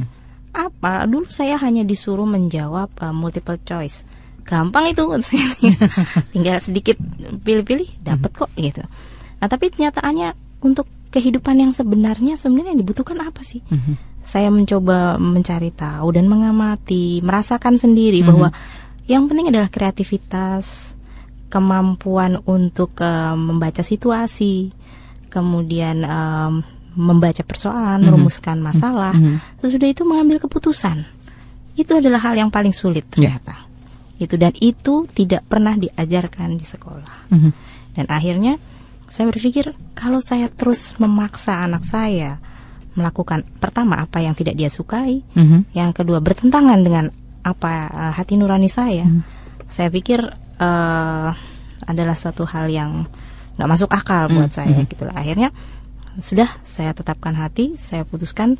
Waktu itu saya di di smart community waktu saya ketemu dengan ayah Edia Ya. saya mencoba membuat suatu proposal bahwa sebenarnya eh, anak-anak itu penting untuk eh, mengembangkan kreativitas dan sebagainya dan sebagainya. Waktu Ya. itu saya coba propose. Akhirnya kita ketemu, kita bicara panjang lebar ya sudah. Kita sepakat untuk sama-sama eh, memilih homeschooling gitu karena memang kita kebetulan eh, punya idealisme yang sama. Mhm. Oke, tapi kan banyak orang tua juga masih eh, mempertimbangkan. Padahal kita juga udah sudah sering ya ya memper, eh, apa namanya, menjelaskan, menyampaikan seperti apa homeschooling itu lalu prosesnya. Tetapi ini juga masih jadi pertanyaan gitu. Karena kan ternyata salah satunya adalah butuh nyali ya kata Pak Joko tadi. Hmm, Gimana tuh Bu menjawab hal ini? Eh ya kalau menurut saya memang eh, bukan hanya sekedar nyali, tapi itu benar-benar didasarkan pada satu keputusan karena kita mengambil alih seluruh tanggung jawab pendidikan itu di tangan orang tua. Jadi kalau orang bertanya eh, apakah eh, bagaimana cara saya mendaftar homeschooling misalnya, ya saya tidak bisa memberikan persyaratan apa pun kecuali saya bertanya balik alasan eh, bapak atau ibu memilih homeschooling itu apa. Mhm. Yang kedua, apakah memang bapak dan ibu mampu atau mau berkomitmen bertanggung jawab terhadap pendidikan anak bapak dan ibu. Itu yang paling penting menurut Oke, saya. jadi dua hal yang memang mendasar yang perlu dijawab dulu ya sebelum tentunya hal ini bisa Iya, dilakukan oleh sebelum- para orang tua Jadi ya. keputusan bukan pelarian. Oke, baik. Nah, ayah kan eh, tentunya banyak eh, pertanyaan-pertanyaan yang juga muncul ya dari komunitas saya Edi dan ini kan banyak tanya kalau nanti sudah homeschooling terus gimana dong kalau mau melanjutkan dan lain sebagainya biayanya berapa dan ini juga banyak sekali pertanyaan di SMS yang bertanya hal yang sama seperti itu. Nah, yang penting bagaimana sih sebetulnya memulai eh, action kita untuk katakanlah tadi memilih homeschooling ini sebagai satu bentuk pendidikan yang lebih tepat begitu untuk anak-anak kita. Baik, saya sering ditanya dan saya sebenarnya sering menjawab Pak Joko. Cuma mungkin jawaban saya tidak dipercaya kali. Jadi ditanya lagi, ditanya lagi. Nah ini kebetulan ada Pak Joko sama Bu Rati. Kalau ditanya biaya nih Pak Joko, mana yang lebih murah kira-kira homeschooling sama sekolah formal nih? Langsung saja nih. Saya kira eh, kalau setelah saya apa lakukan ini ternyata jauh lebih murah. Tuh jauhnya tuh sampai begitu ya. Jauh. Sekarang gini, coba hitung-hitungan artinya hitung-hitungan ketika eh, dari sisi hasil, Mm-mm. ketika anak lulus SMA atau lulus SMK yang sebetulnya belum bisa melakukan apa-apa. Saya kira mulai dari untuk biaya operasional anak harian saja berangkat eh, mungkin tidak kurang dari 10 juta katakanlah ya, 10 Iya. juta. 10 juta itu ternyata ketika si anak itu mau beli motor baru terus disuruh bongkar, bongkar saja motor ini. Dia akan bongkar motor baru misalnya. Iya. Padahal anak saya nggak baru beli bekas saja satu Iya. setengah juta. Satu setengah juta ya. Satu sepuluh persennya. Hari itu dibongkar semua, di- sampai dia bongkar semua. Prereli ya. Dipelajari satu-satu ya. Dipelajari. Ketika sekolah STM atau SMK yang itu belum tentu dilakukan seperti itu. Tapi ketika dia sudah membongkar, berhasil melakukan eh, menyatukan lagi, gagal pasti. Tapi ke- ketika dia sudah melakukan dengan harga yang sangat minim tadi, jauh lebih lebih murah setelah dihitung-hitungan. Padahal dia di, di rumah terus. Ya. Bahkan kalau perlu dia ke bengkel, ke tetangganya saja, tidak jauh-jauh. Artinya itu dari sisi untuk operasional praktek. Kalau di sekolah biasa sudah bayarnya mahal, di sekolahan itu cuma teori. Anak saya pernah BT mengatakan begini, ya saya tidak berangkat hari Sabtu karena aku punya proyek personal untuk bongkar motor ini. Karena di sekolah hanya diajari ini aki, nanti kalau plus minus dipasang biar ini. Dan hanya teori karena akinya tidak hidup. Ya. Ya. Artinya tidak nyata. Padahal kalau di homeschooling benar nyata. Kalau perlu lari ke bengkel, lari ke tukang eh, kelas dan Bisa sebagainya. lakukan sendiri. Itu ya. baru biaya nyata ya Pak Baru Joko. biaya nyata. Belum biaya mental ya. Kalau misalnya luar biasa. anaknya terlanjur rusak begitu ya. Ah, Ketika salah satu anak saya mogok itu karena memang pada saat di sekolahan itu eh, dikejar-kejar oleh gurunya yang katanya sudah bersertifikasi. Mm-mm. Itu dikejar untuk dipotong rambutnya dengan cara paksa, bukan dengan cara hati. Artinya ketika sekolah itu gurunya bukan dengan hati mendidiknya, bahkan hanya setengah hati, Ya. Ya. akhirnya hasilnya juga bisa jadi karena dia tertekan, Kalau tertekan Tidak lari menikmati ya. tidak menikmati. Ya. Itu biayanya jauh lebih mahal sekali. Oke. Kalau seandainya dia stres, dia tertekan, pasti harganya ya untung nggak nggak ya. masuk ke rumah sakit jiwa. Kalau rumah sakit jiwa, coba bayangkan, Lebih berapa lagi ya Pak ya Wah, biaya yang jauh dikeluarkan? lebih mahal. Ah. Oke. Untung bisa balik ya Pak. Tapi kita masih nggak setengah-setengahnya ya. Kita masih akan diskusi lagi di tiga sesi berikutnya. Tetap bersama kami di Indonesian Strong From Home. Eh, Edi dan juga para tamu yang kita ajak diskusi di eh, tema kita kali ini tentang eh, home education masih ada Bu Ratih penyelenggara homeschooling cinta anak dan juga ada Pak Joko yang punya pengalaman tentunya eh, memilih homeschooling ini ya eh, kepada putra putranya.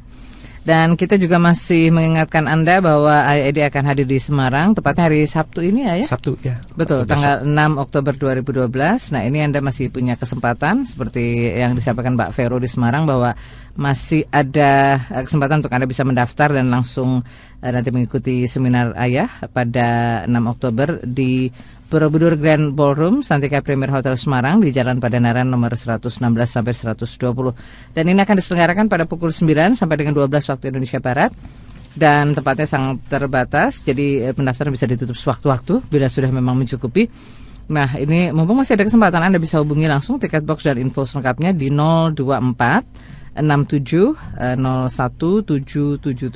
024 67 01777 dan AID akan eh, berbagi tentang bagaimana membebaskan anak dari stres di era hyper competition. Dan ini dipersembahkan oleh Smart FM Semarang. Jadi pastikan Anda bisa bergabung. Ini ada eh, dua eh, investasi menarik yang ditawarkan. Bila Anda memilih Platinum ini seharga Rp250.000. Ini akan tentunya mendapatkan sharing session nanti setelah jam makan siang. Uh, sementara untuk Gold yang Rp175.000 ini tidak ada sharing sessionnya ya. Jadi uh, gunakan kesempatan Anda memilih yang mana nih. Dan kita kita akan uh, juga membacakan beberapa SMS yang ada dan menerima telepon. Tadi Pak Iwan di Jakarta semoga, semoga ini bisa menjawab dan nanti uh, kita akan coba diskusikan lagi bersama Pak Joko dan juga Bu Rati bagaimana sih sebetulnya uh, proses atau juga bagaimana kita memilih homeschooling ini. Apakah langsung action atau justru mungkin ada proses-proses yang perlu dilalui. Tapi sebelumnya sudah ada telepon lagi, ada dua penelpon yang ingin bergabung dengan kita. Selamat malam Smart FM. Halo, selamat malam. Iya, selamat malam. Ya, dari siapa di mana Ibu? Dari Lisa, Ibu Lisa di? Kediri, Jawa Timur. Oh, di Kediri, Jawa Timur. Silakan Ibu. Iya.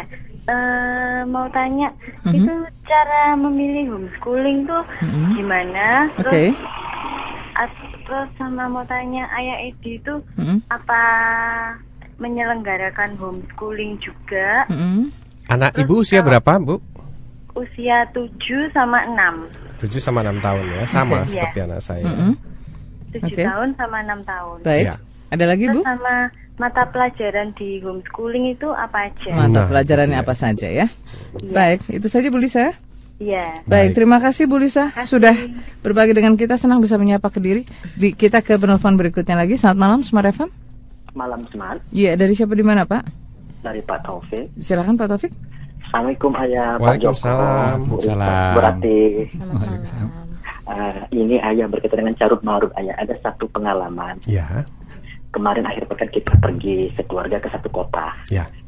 Pada saat bermain di playground, Mm-mm. Fayaz kan dengan Akila tertib Ayah. Iya. Ada satu anak itu menghalangi bermain di playground. Mm-mm. Sering itu Saya Pak, tegur. saya alami Pak. Di ininya jangan menghalangi jalan. Di belakang orang ngantri. Saya kaget ayah. Mm-mm. Dia mendelik kepada saya. Anaknya di bawah enam tahun. Anak kecil itu Pak ya. Anak kecil mendelik. Bikin saya. Aduh, saya bilang kalau di profesi saya ini sudah habis. Itu ada anak-anak saya udah diem aja lah.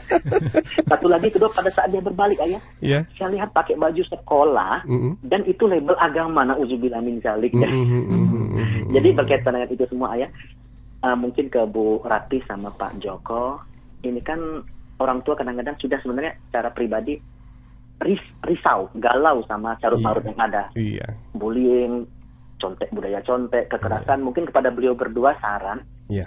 eh, mungkin di Facebook ataupun mungkin ke arah buku, bagaimana menumbuhkan motiv- motivasi kepada para Saya orang tua. saya dukung Pak Taufik. Pak Joko Iya, harus bikin orang buku. tua, Pak Joko dan Bu Rati. Rati harus bikin buku ini. mengambil satu action Iya. entahkah mencari sekolah yang ramah anak atau kalau Persis. kata Pak Arif sekolahnya manusia Persis. atau kalau memang tidak ada pilihan lain the last choice ya home education atau homeschooling Persis, Pak. Jadi kalau ada pertanyaan nggak diulang-ulang, silakan Iya, baca iya. buku Pak Joko. Kalau gitu. ayah kan, kalau ayah di Facebook mungkin kurang karena apa? Iya. Ananda Dimas sama Dido kan masih kecil. Kalau Pak Iya. Joko itu Nah, sudah itu. SMA. Tadi beliau katakan Iya. orang paling kaya. Kita pun pengen jadi orang paling kaya punya tiga dengan tiga siswa.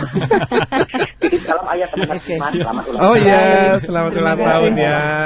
Oke, Adik baik. Akila. Terima kasih untuk Pak Taufik juga eh, Bu Lisa di Kediri dan ini lebih banyak ke bagaimana sebetulnya proses dari homeschooling. Sekaligus juga mungkin saya ini ya ya eh, menjawab beberapa pertanyaan di SMS yang berseri- eh, bertanya juga seputar homeschooling. Ya. Ini ke Syarifah di Banjarmasin, eh, Ayah Edi, Manensi, eh, saya ingin bertanya apa ada homeschooling di Banjarmasin? Nah, seperti apa programnya? Tolong mungkin bisa dijelaskan. Lalu juga eh, dari 08389723 eh, mohon diberikan eh, kira-kira nama-nama homeschooling tempat anak-anaknya di mana mungkin kita bisa nanti bergabung di situ eh, menurut beliau seperti itu lalu juga ada pertanyaan dari eh, Anissa di Surabaya berapa sih sebenarnya total biaya homeschooling? Nah, untuk tingkat SD, SMP, SMA. Nah, apakah apakah eh, homeschooling ada Iya. beasiswa Iya. untuk anak yang tidak mampu? Iya.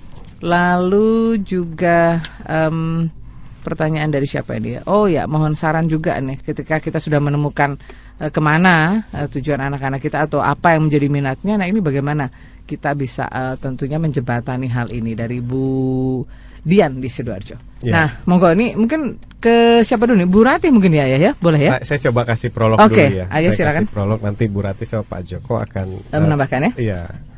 Ya pertama begini, saya melihat bahwa masyarakat kita masih punya pikiran kalau homeschooling itu seperti sekolah. Hmm. Jadi ada gedungnya. Harus menyiapkan segala sesuatu Iya, gitu ya, ya? Kemudian ada aturan-aturan mainnya, ada pendaftaran dan segalanya begitu ya. Mhm. Jadi masih ngebayangin eh, homeschooling ini sebuah sekolah. Makanya ada pertanyaan, kalau di sidoarjo ada nggak homeschooling? Kalau di ini ada nggak homeschooling? Hmm. Jadi sebenarnya homeschooling itu nggak perlu diadakan, langsung saja kita yang mengadakan. Ya. Nah, ambil contoh begini ya. Dulu waktu saya ketemu sama Bu Rati ngobrol-ngobrol-ngobrol, yuk Bu kita bikin homeschooling. Hmm. Jadi bikin homeschooling itu nggak lantas misalnya kita gedungnya di mana ininya di mana, enggak.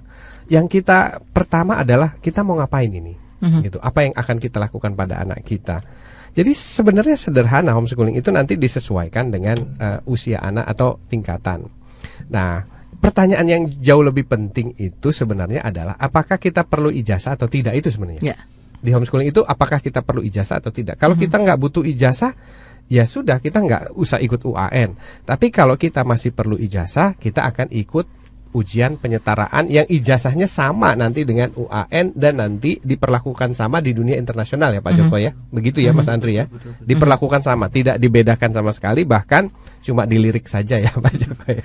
Nah, jadi sebenarnya pertanyaan kunci kalau kita mau homeschooling itu perlukah saya ijazah? Mhm. Itu atau saya tidak perlu ijazah.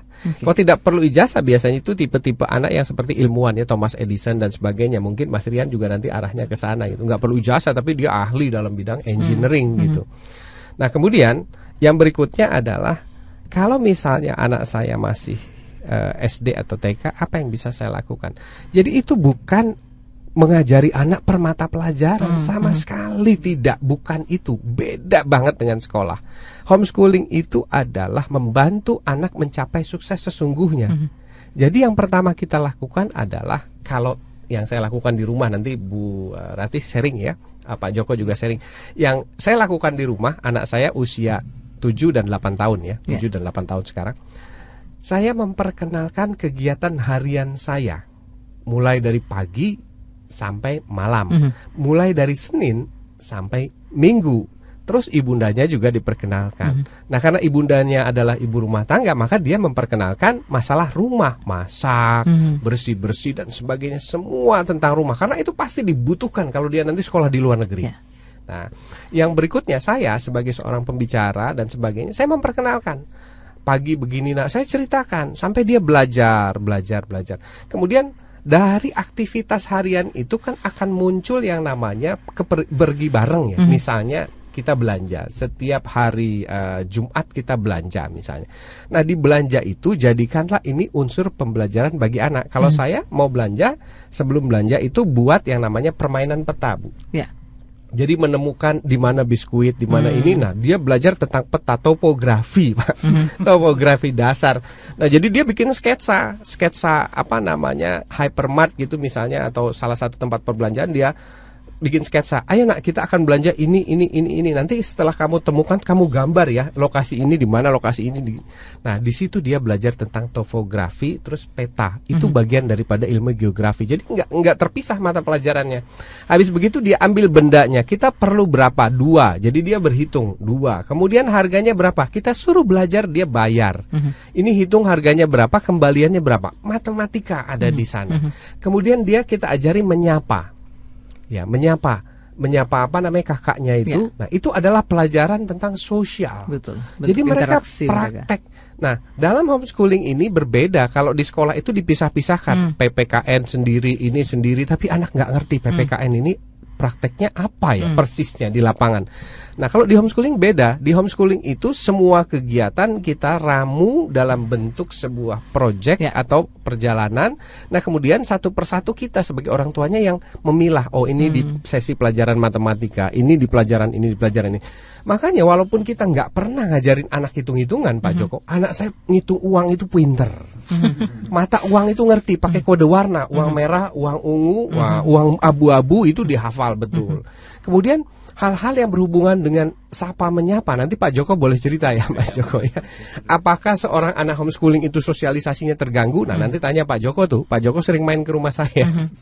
Nah anak saya justru sangat ramah sekali dan yang terjadi adalah justru orang dewasa di negeri kita itu sering nggak ramah sama anak begitu. Nah itu gambarannya. Jadi jangan kita terjebak pada pemikiran bahwa homeschooling itu adalah sebuah institusi. Bukan. Homeschooling adalah mengajak anak kita untuk meraih sukses dengan ijazah atau tanpa ijazah. Jadi itu pilihan kita. Nah saya sendiri kalau ditanya perlu ijazah nggak ya? Buat saya anak saya harus dapat ijazah begitu. Begitu kira-kira. Oke pilihannya. Nah nanti dari seri- pandangan Bu Rati dan Pak Joko kita akan berikan, kita bagikan selepas informasi berikut. Oh iya, Karena baik. saya sudah dikasih tanda sama Mas Bowo, kita mesti break dulu. Jangan ke mana-mana, kami akan segera kembali. Kita masih punya PR untuk menjawab tadi eh, bagaimana sebetulnya bisa memilih homeschooling, lalu juga eh, bagaimana melihat mungkin metodenya, nah apakah juga biayanya. Nah seperti ini juga menjadi banyak pertanyaan Eh, di komunitas saya ini juga banyak ya, ya yang bertanya hal ini. Ya. Eh, seperti yang ditanyakan oleh Inayatus Syafi'ah juga Rati Dharma Lukita Sari. Nah ini gimana nih? Mesti rutin nggak sih sesuai jadwal? Seperti itu metodenya. Lalu juga dari Muhammad Adil di Gresik. Nah ini beliau ingin tahu eh, referensinya, lalu ujiannya, ijazahnya seperti apa dan bagaimana bila melanjutkan. Lalu Nurul Isnawati juga ingin bertanya kalau di Surabaya ada nggak di mana ini? Lalu terus sosialisasinya seperti apa? Terganggu atau tidak gitu? Apakah ini bisa dilakukan sendiri atau mesti harus rame-rame dengan kelompok? Nah ini boleh langsung ke Bu Rati dulu mungkin ya, Ya, Bu jadi bisa untuk untuk cerita eh, nih. masalah formalitas Mhm. ijazah dan sebagainya Bu Rati lebih menguasai. Mhm, oke. Nah, nanti untuk eh, keseharian rutinitasnya Pak Joko mungkin lebih lengkap. Mhm. Silakan Bu. Yang mana dulu nih? Hmm.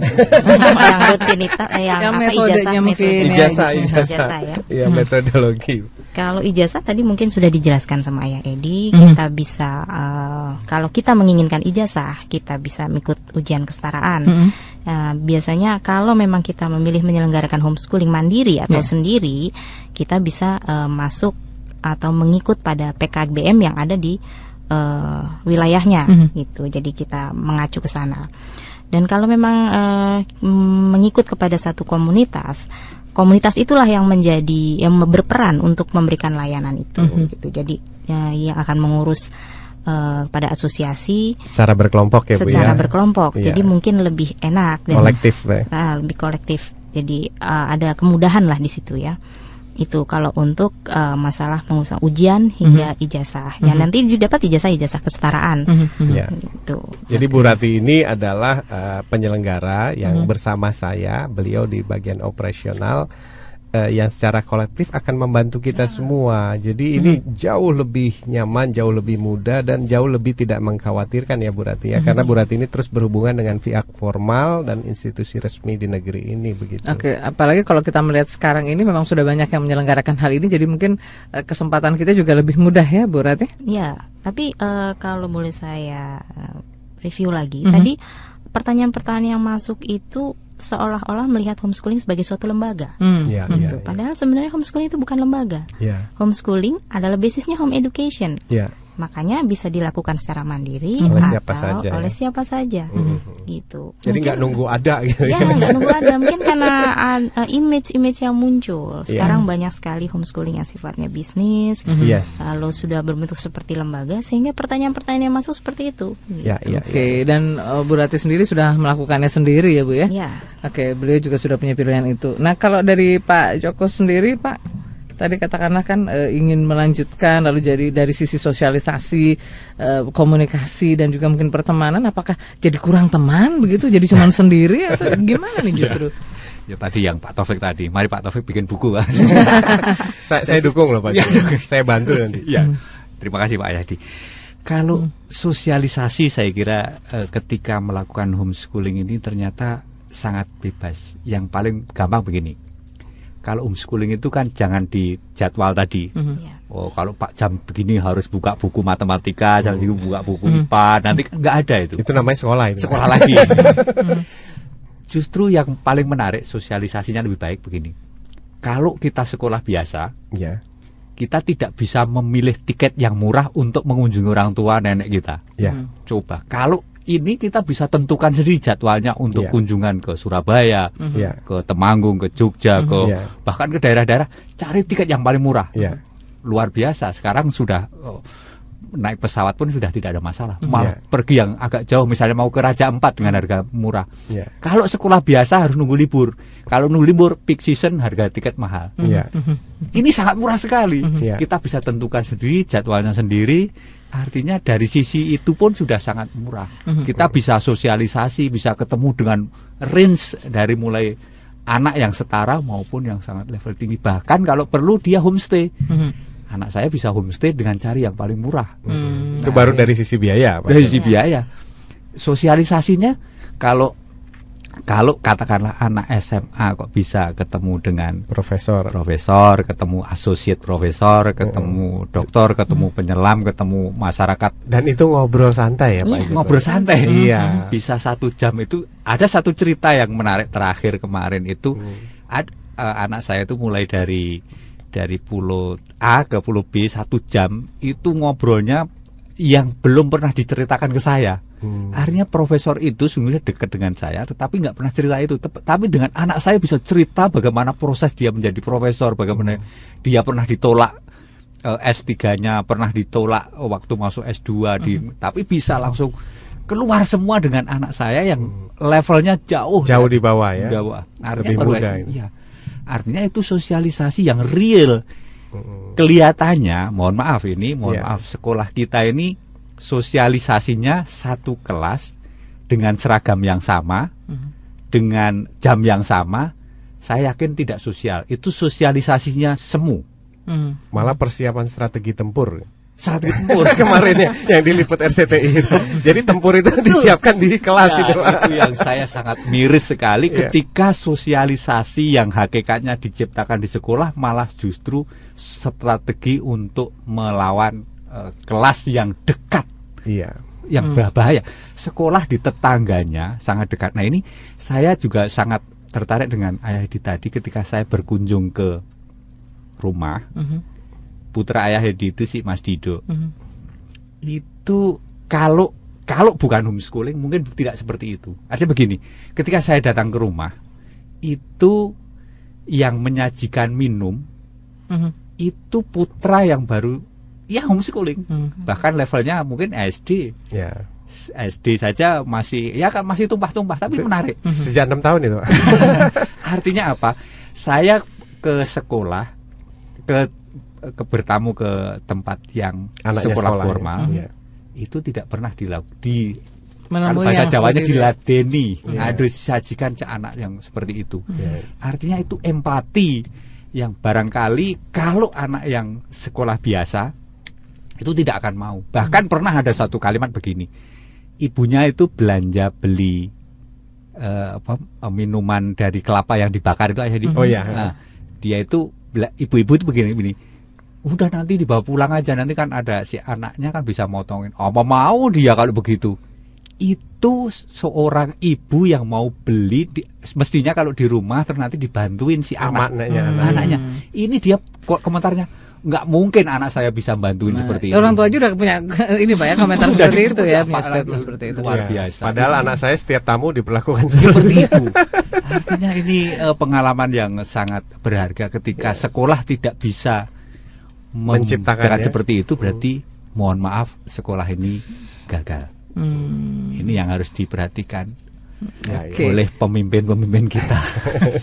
Oke, jadi sebetulnya kalau secara sosialisasi ini tetap bisa dilakukan ya. Kalau dari pengalaman Bu Rati te- terhadap putra sendiri gimana Bu? Katanya baru setahun saja ya di sekolah itu ternyata dia juga merasakan hal yang tidak nyaman. Nah sekarang bagaimana setelah di eh, tentunya memilih eh, homeschooling? happy. Hmm, lebih happy ya? Iya, dia lebih happy dan kalau pandangan orang nanti kamu nggak sekolah nggak punya temen loh. Hmm, mhm. Ternyata tidak. Dia bisa berkomunikasi dengan lintas usia. Saya me- ada di ruang dokter, Iya. dia bisa bertanya sama dokter. Mhm. Gitu. Saya ada di tempat informasi, dia bisa bertanya. Dia bisa eh, apa ngemong istilahnya. Mhm. Tetangga yang lebih kecil dan ketika anak kecil itu kehausan, dia berlari ke dalam mengambilkan eh, segelas minum untuk Hmm, Jadi itu. mungkin bentuk murni dari sisi anak itu sendiri Ya. lebih ter ini ya Bu ya, lebih, Lebih terlihat, terasa terlihat iya. juga ya. Hmm. Ada yang menarik juga nih. Mhm. Eh, saya anak saya dengan anaknya Bu Ratih ya. Jadi saya kan membebaskan Dimas sama Dido itu untuk bersosialisasi dengan para tetangga, anak tetangga dan Mhm. sebagainya. Jadi eh, supaya dia belajar tentang kehidupan yang sesungguhnya. Jadi setiap pulang tuh sering lapor. Mhm. Kalau si A itu anaknya suka bohong ayah. Kalau si B itu suka begini, Hmm. itu suka ngerebut, ini suka ini. Nah, lantas gimana nak? "Eh, aku tidak mau main lagi sama dia. Nah, Hmm. ini kan luar biasa ya. Anak kecil bisa mengambil sikap bahwa kalau ada yang tidak baik, saya nggak mau join sama dia. Iya. Nah, bayangkan kalau misalnya ini dimiliki oleh anak-anak SMA kita, mungkin nggak ada tawuran kan? Nggak terjadi ya, ya. Iya, kalau sejak kecil dia sikapnya seperti itu. Gitu. Nah, kemudian dia mulai bisa menilai tentang etika moral yang distandarisasi di Finlandia. Nah, ini di homeschooling ada nih ternyata. Jadi kalau ketemu sama Noval anaknya Bu Rati, eh, saya, anak saya selalu bilang, aku cocoknya main sama Noval. Noval itu begini begini begini. Nah, kebetulan memang kita eh, melakukan komunikasi yang intens gitu tentang eh, pendidikan perilaku moral. Jadi anak itu sebenarnya bisa kita standarisasikan perilaku moralnya dan mereka nyaman sebenarnya dengan perilaku moral itu. Karena itu datang dari ininya mereka sendiri Iya, ya. bayangkan Mbak Nancy kalau kita seperti Finlandia yang menerapkan di sekolah formal itu perilaku eh, apa namanya standar perilaku moral nasional. Mhm. Jadi anak-anak itu se-Finlandia akan sama ya cara dia begini, cara dia smile dan sebagainya. Mhm. Ah, ini menawan sekali gitu. Tapi nggak apa-apa kalau kita belum bisa melakukan secara nasional, kita lokalan dulu, Pak Joko. gitu. Tapi harus berharap ke sana mestinya. Iya.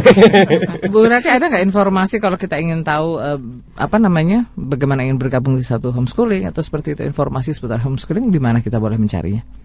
Bisa kita googling aja Mhm. di internet kalau memang kita masih punya mindset bahwa homeschooling itu adalah suatu lembaga pendidikan Oke. itu banyak sekali Banyak penyedianya ya. banyak penyedia dan kita tinggal memilih Mhm. gitu karena mereka menyediakan ya kita tinggal seperti sama lah seperti sekolah Ya. menyerahkan Mhm. lalu uh, prosesnya berlangsung di sana Hmm. Dan itu bayar mahal biasanya ya. ya pasti ada ketentuan yang kurang lebih sama dengan sekolah Iya, Gitu, karena kita sama menyerahkan kan Mhm, gitu. sama menyerahkan Kalau saya dengan Bu Rati itu lebih ke eh, apa namanya eh, penyelenggara dalam bentuk komunitas ya Bu ya. Ya, kita lebih eh, mindsetkan homeschooling itu sebagai suatu pendidikan basisnya home education. Jadi eh, kita tidak menjadikan itu suatu lembaga, tapi suatu komunitas, di mana dengan adanya komunitas kita bisa lebih mudah untuk bergerak. Sharing. Ya, sharing, saling sharing antar orang tua. Oke, nah Bu kalau mau dapat informasi selengkapnya ke mana nih ngubungin Bu Rati? Pasti kan banyak nih dari Smart Listener yang ingin tahu ya, ingin ngobrol mungkin lebih mendalam hal itu ya. Siap-siap Bu Rati. bisa lewat email, ada emailnya emailnya untuk eh, homeschooling. Iya. hscintaanak@gmail.com Oke. ha. atau ke Facebook sama HS Cinta Anak gmail.com di situ. Lalu ya itu dulu mungkin karena sejauh ini pertanyaan yang masuk sama. gitu, masih Saya sama. setuju Bu Rati tadi eh, usulan Pak Taufik ya. Bu Rati membuat buku. Mhm. Jadi apa sih homeschooling itu? Jadi pertanyaan itu perlu dijawab lewat buku Bu. Jadi setiap kali ada yang masuk mungkin Ibu bisa beli buku ini sebelum bergabung sama kita gitu. Jadi mungkin ada Ya. penjelasan lebih lengkap gitu ya ya. Iya, karena sebenarnya kita hanya keluarga kolektif saja yang kalau mengurus sesuatu mungkin bisa bareng-bareng kan jadi lebih jelas, lebih murah dan sebagainya. Jadi nanti bisa gabung di HS ya homeschooling ya, singkatan dari HS. homeschooling eh, cinta anak at gmail.com ya. Iya. Untuk bisa nanti eh, diskusi dengan Bu Ratih langsung dan juga komunitasnya.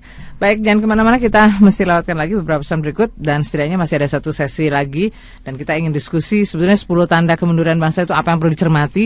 Mudah-mudahan dari apa yang kita bahas ini ayah ya tidak terjadi lagi tawuran harapan kita seperti itu ya. Amin. Tapi yang pasti ini ada informasi menarik untuk Anda di Semarang. Anda bisa langsung hubungi tiket box dan info lengkap di 0246701777 untuk bisa nanti bergabung dengan AID di Parenting Seminar yang dipersembahkan Smart FM Semarang yang akan mengulas tema membebaskan anak dari stres di era hyper competition.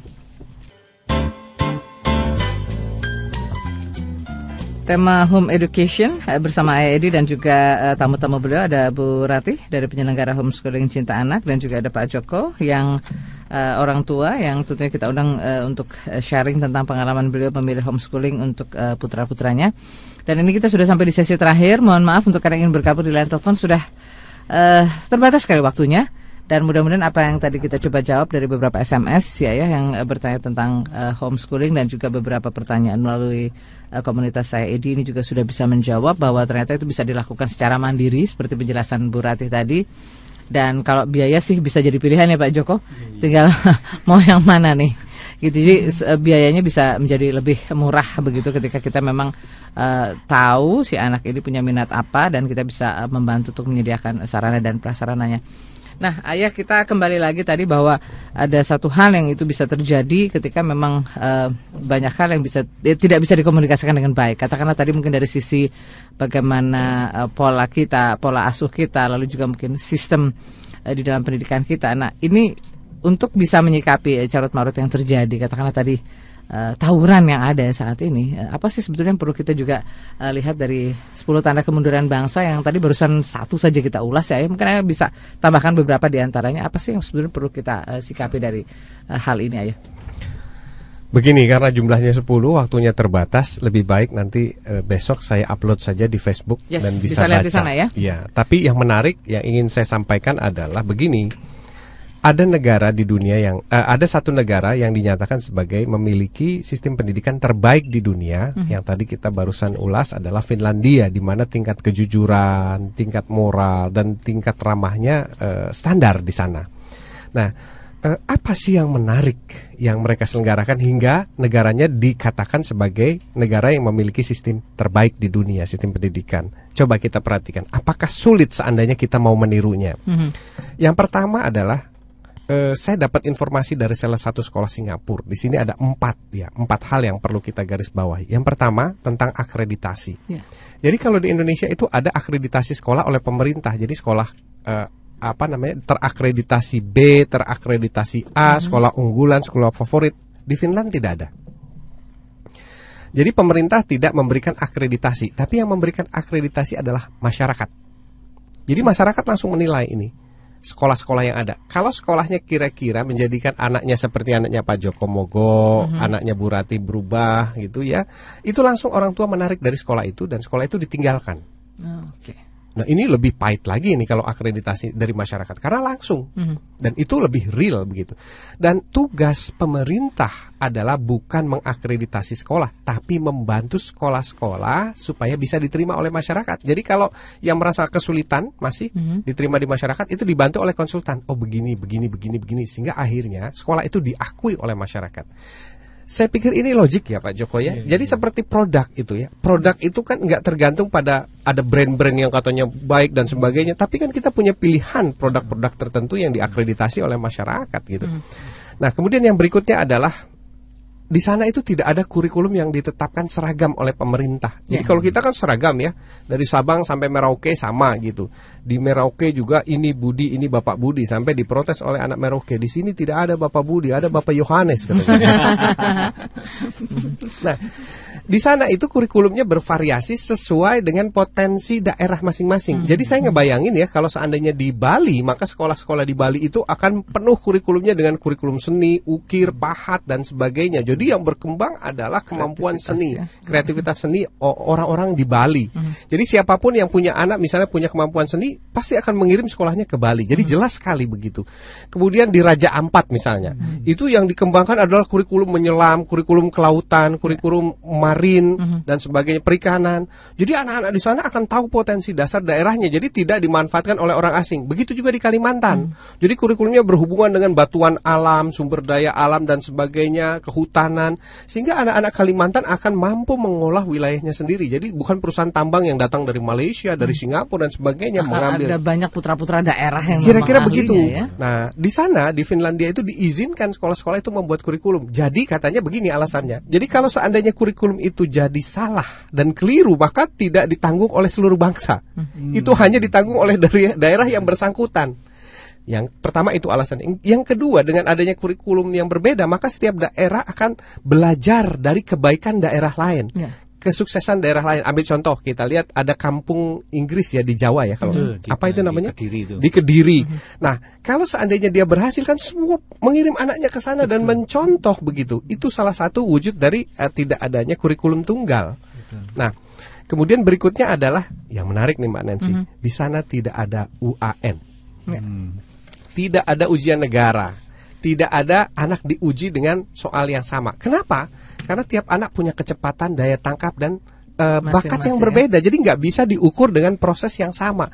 Masing-masing anak itu cara ngukurnya adalah dengan portofolio. Portofolio itu adalah hasil-hasil karya dia selama satu tahun. Mhm. Jadi seperti anaknya Pak Joko tadi, Mas Rian punya sertifikat-sertifikat itu yang dijadikan uh, ukuran. Dan keempat, Mbak, di sana itu tidak ada standarisasi nasional kecukupan nilai anak. Jadi KKM, Mhm. standar kecukupan nilai minimal, Bu Rati. Ya. Kalau nggak cukup nggak bisa lulus. Mhm. Yang ada di sana adalah standar nasional etika moral anak. Hmm, Justru etika dan moral yang lebih ditekankan ya. Iya, yang distandarisasi secara nasional etika moral. Jadi bukan nilai. Kenapa? Karena nilai itu nggak bisa distandarkan. Mhm. Apa bedanya 6 di sini, 6 Merauke, 6 di Jawa misalnya untuk matematika? Apa yakin kalau misalnya nilai matematika 10 dia akan jadi ilmuwan? Jadi Hmm. standarisasi moral itu pasti. Nah, standarisasi nilai itu dihitung berdasarkan karya anak. Jadi Ya. anak itu karyanya seperti apa dari hari ke hari. Mhm. Ini yang menarik, Mbak. Saya pikir kalau ada niat sih nggak susah, Pak Ya. Joko. Mhm. Tapi kalau misalnya secara institusi susah, ini di homeschooling mudah sekali nih. Betul. Jadi kita pilihan kita ya itu tadi dari mulai dari keluarga kita ya ya, yang Yes. terkecil, lingkungan terkecil kita ya. Ya. Oke, sayang sekali waktu kita sudah eh, mepet sekali. Bu Rati terima kasih eh, sudah hadir dan meluangkan waktu untuk berbagi dan saya rasa juga banyak yang bisa mendapatkan manfaatnya dari apa yang diulas. Dan nanti eh, untuk informasi selengkapnya bisa gabung dengan Bu Rati di HS eh, Cinta Anak. Ini digabung ya at Ya, digabung. gmail.com ini homeschooling cinta anak. Jadi nanti bisa eh, diskusi lebih panjang lagi dengan Bu Rati dan Pak Joko juga. Terima kasih ya Pak. Sudah berbagi salam buat putra putra dan ibu. Dan Ayah Edi terutama. Terima kasih Ayah. Terima kasih kembali, sudah. Terima melengkapi kasih kita lagi di Selasa malam ini untuk eh, mendapatkan satu informasi yang lebih eh, lengkap dan semoga ini menjadi pilihan yang lebih tepat untuk kita bisa menyikapi dan setidaknya mungkin 10 tanda kemunduran bangsa ini bisa kita mulai dari lingkungan keluarga kita untuk bisa menyikapi hal ini sehingga tidak terjadi lagi hal-hal yang tentunya miris ya yang eh, bisa menyebabkan adanya korban jiwa. Terima kasih sekali lagi dan kita ketemu lagi di Selasa depan. Saya Nancy Bukukinta. Saya Ayah Edi. Let's Let's make Indonesia strong from home. Telah Anda ikuti Indonesian Strong from Home bersama Ayah Edi. Untuk konsultasi dan seminar, hubungi 0816 182 2323.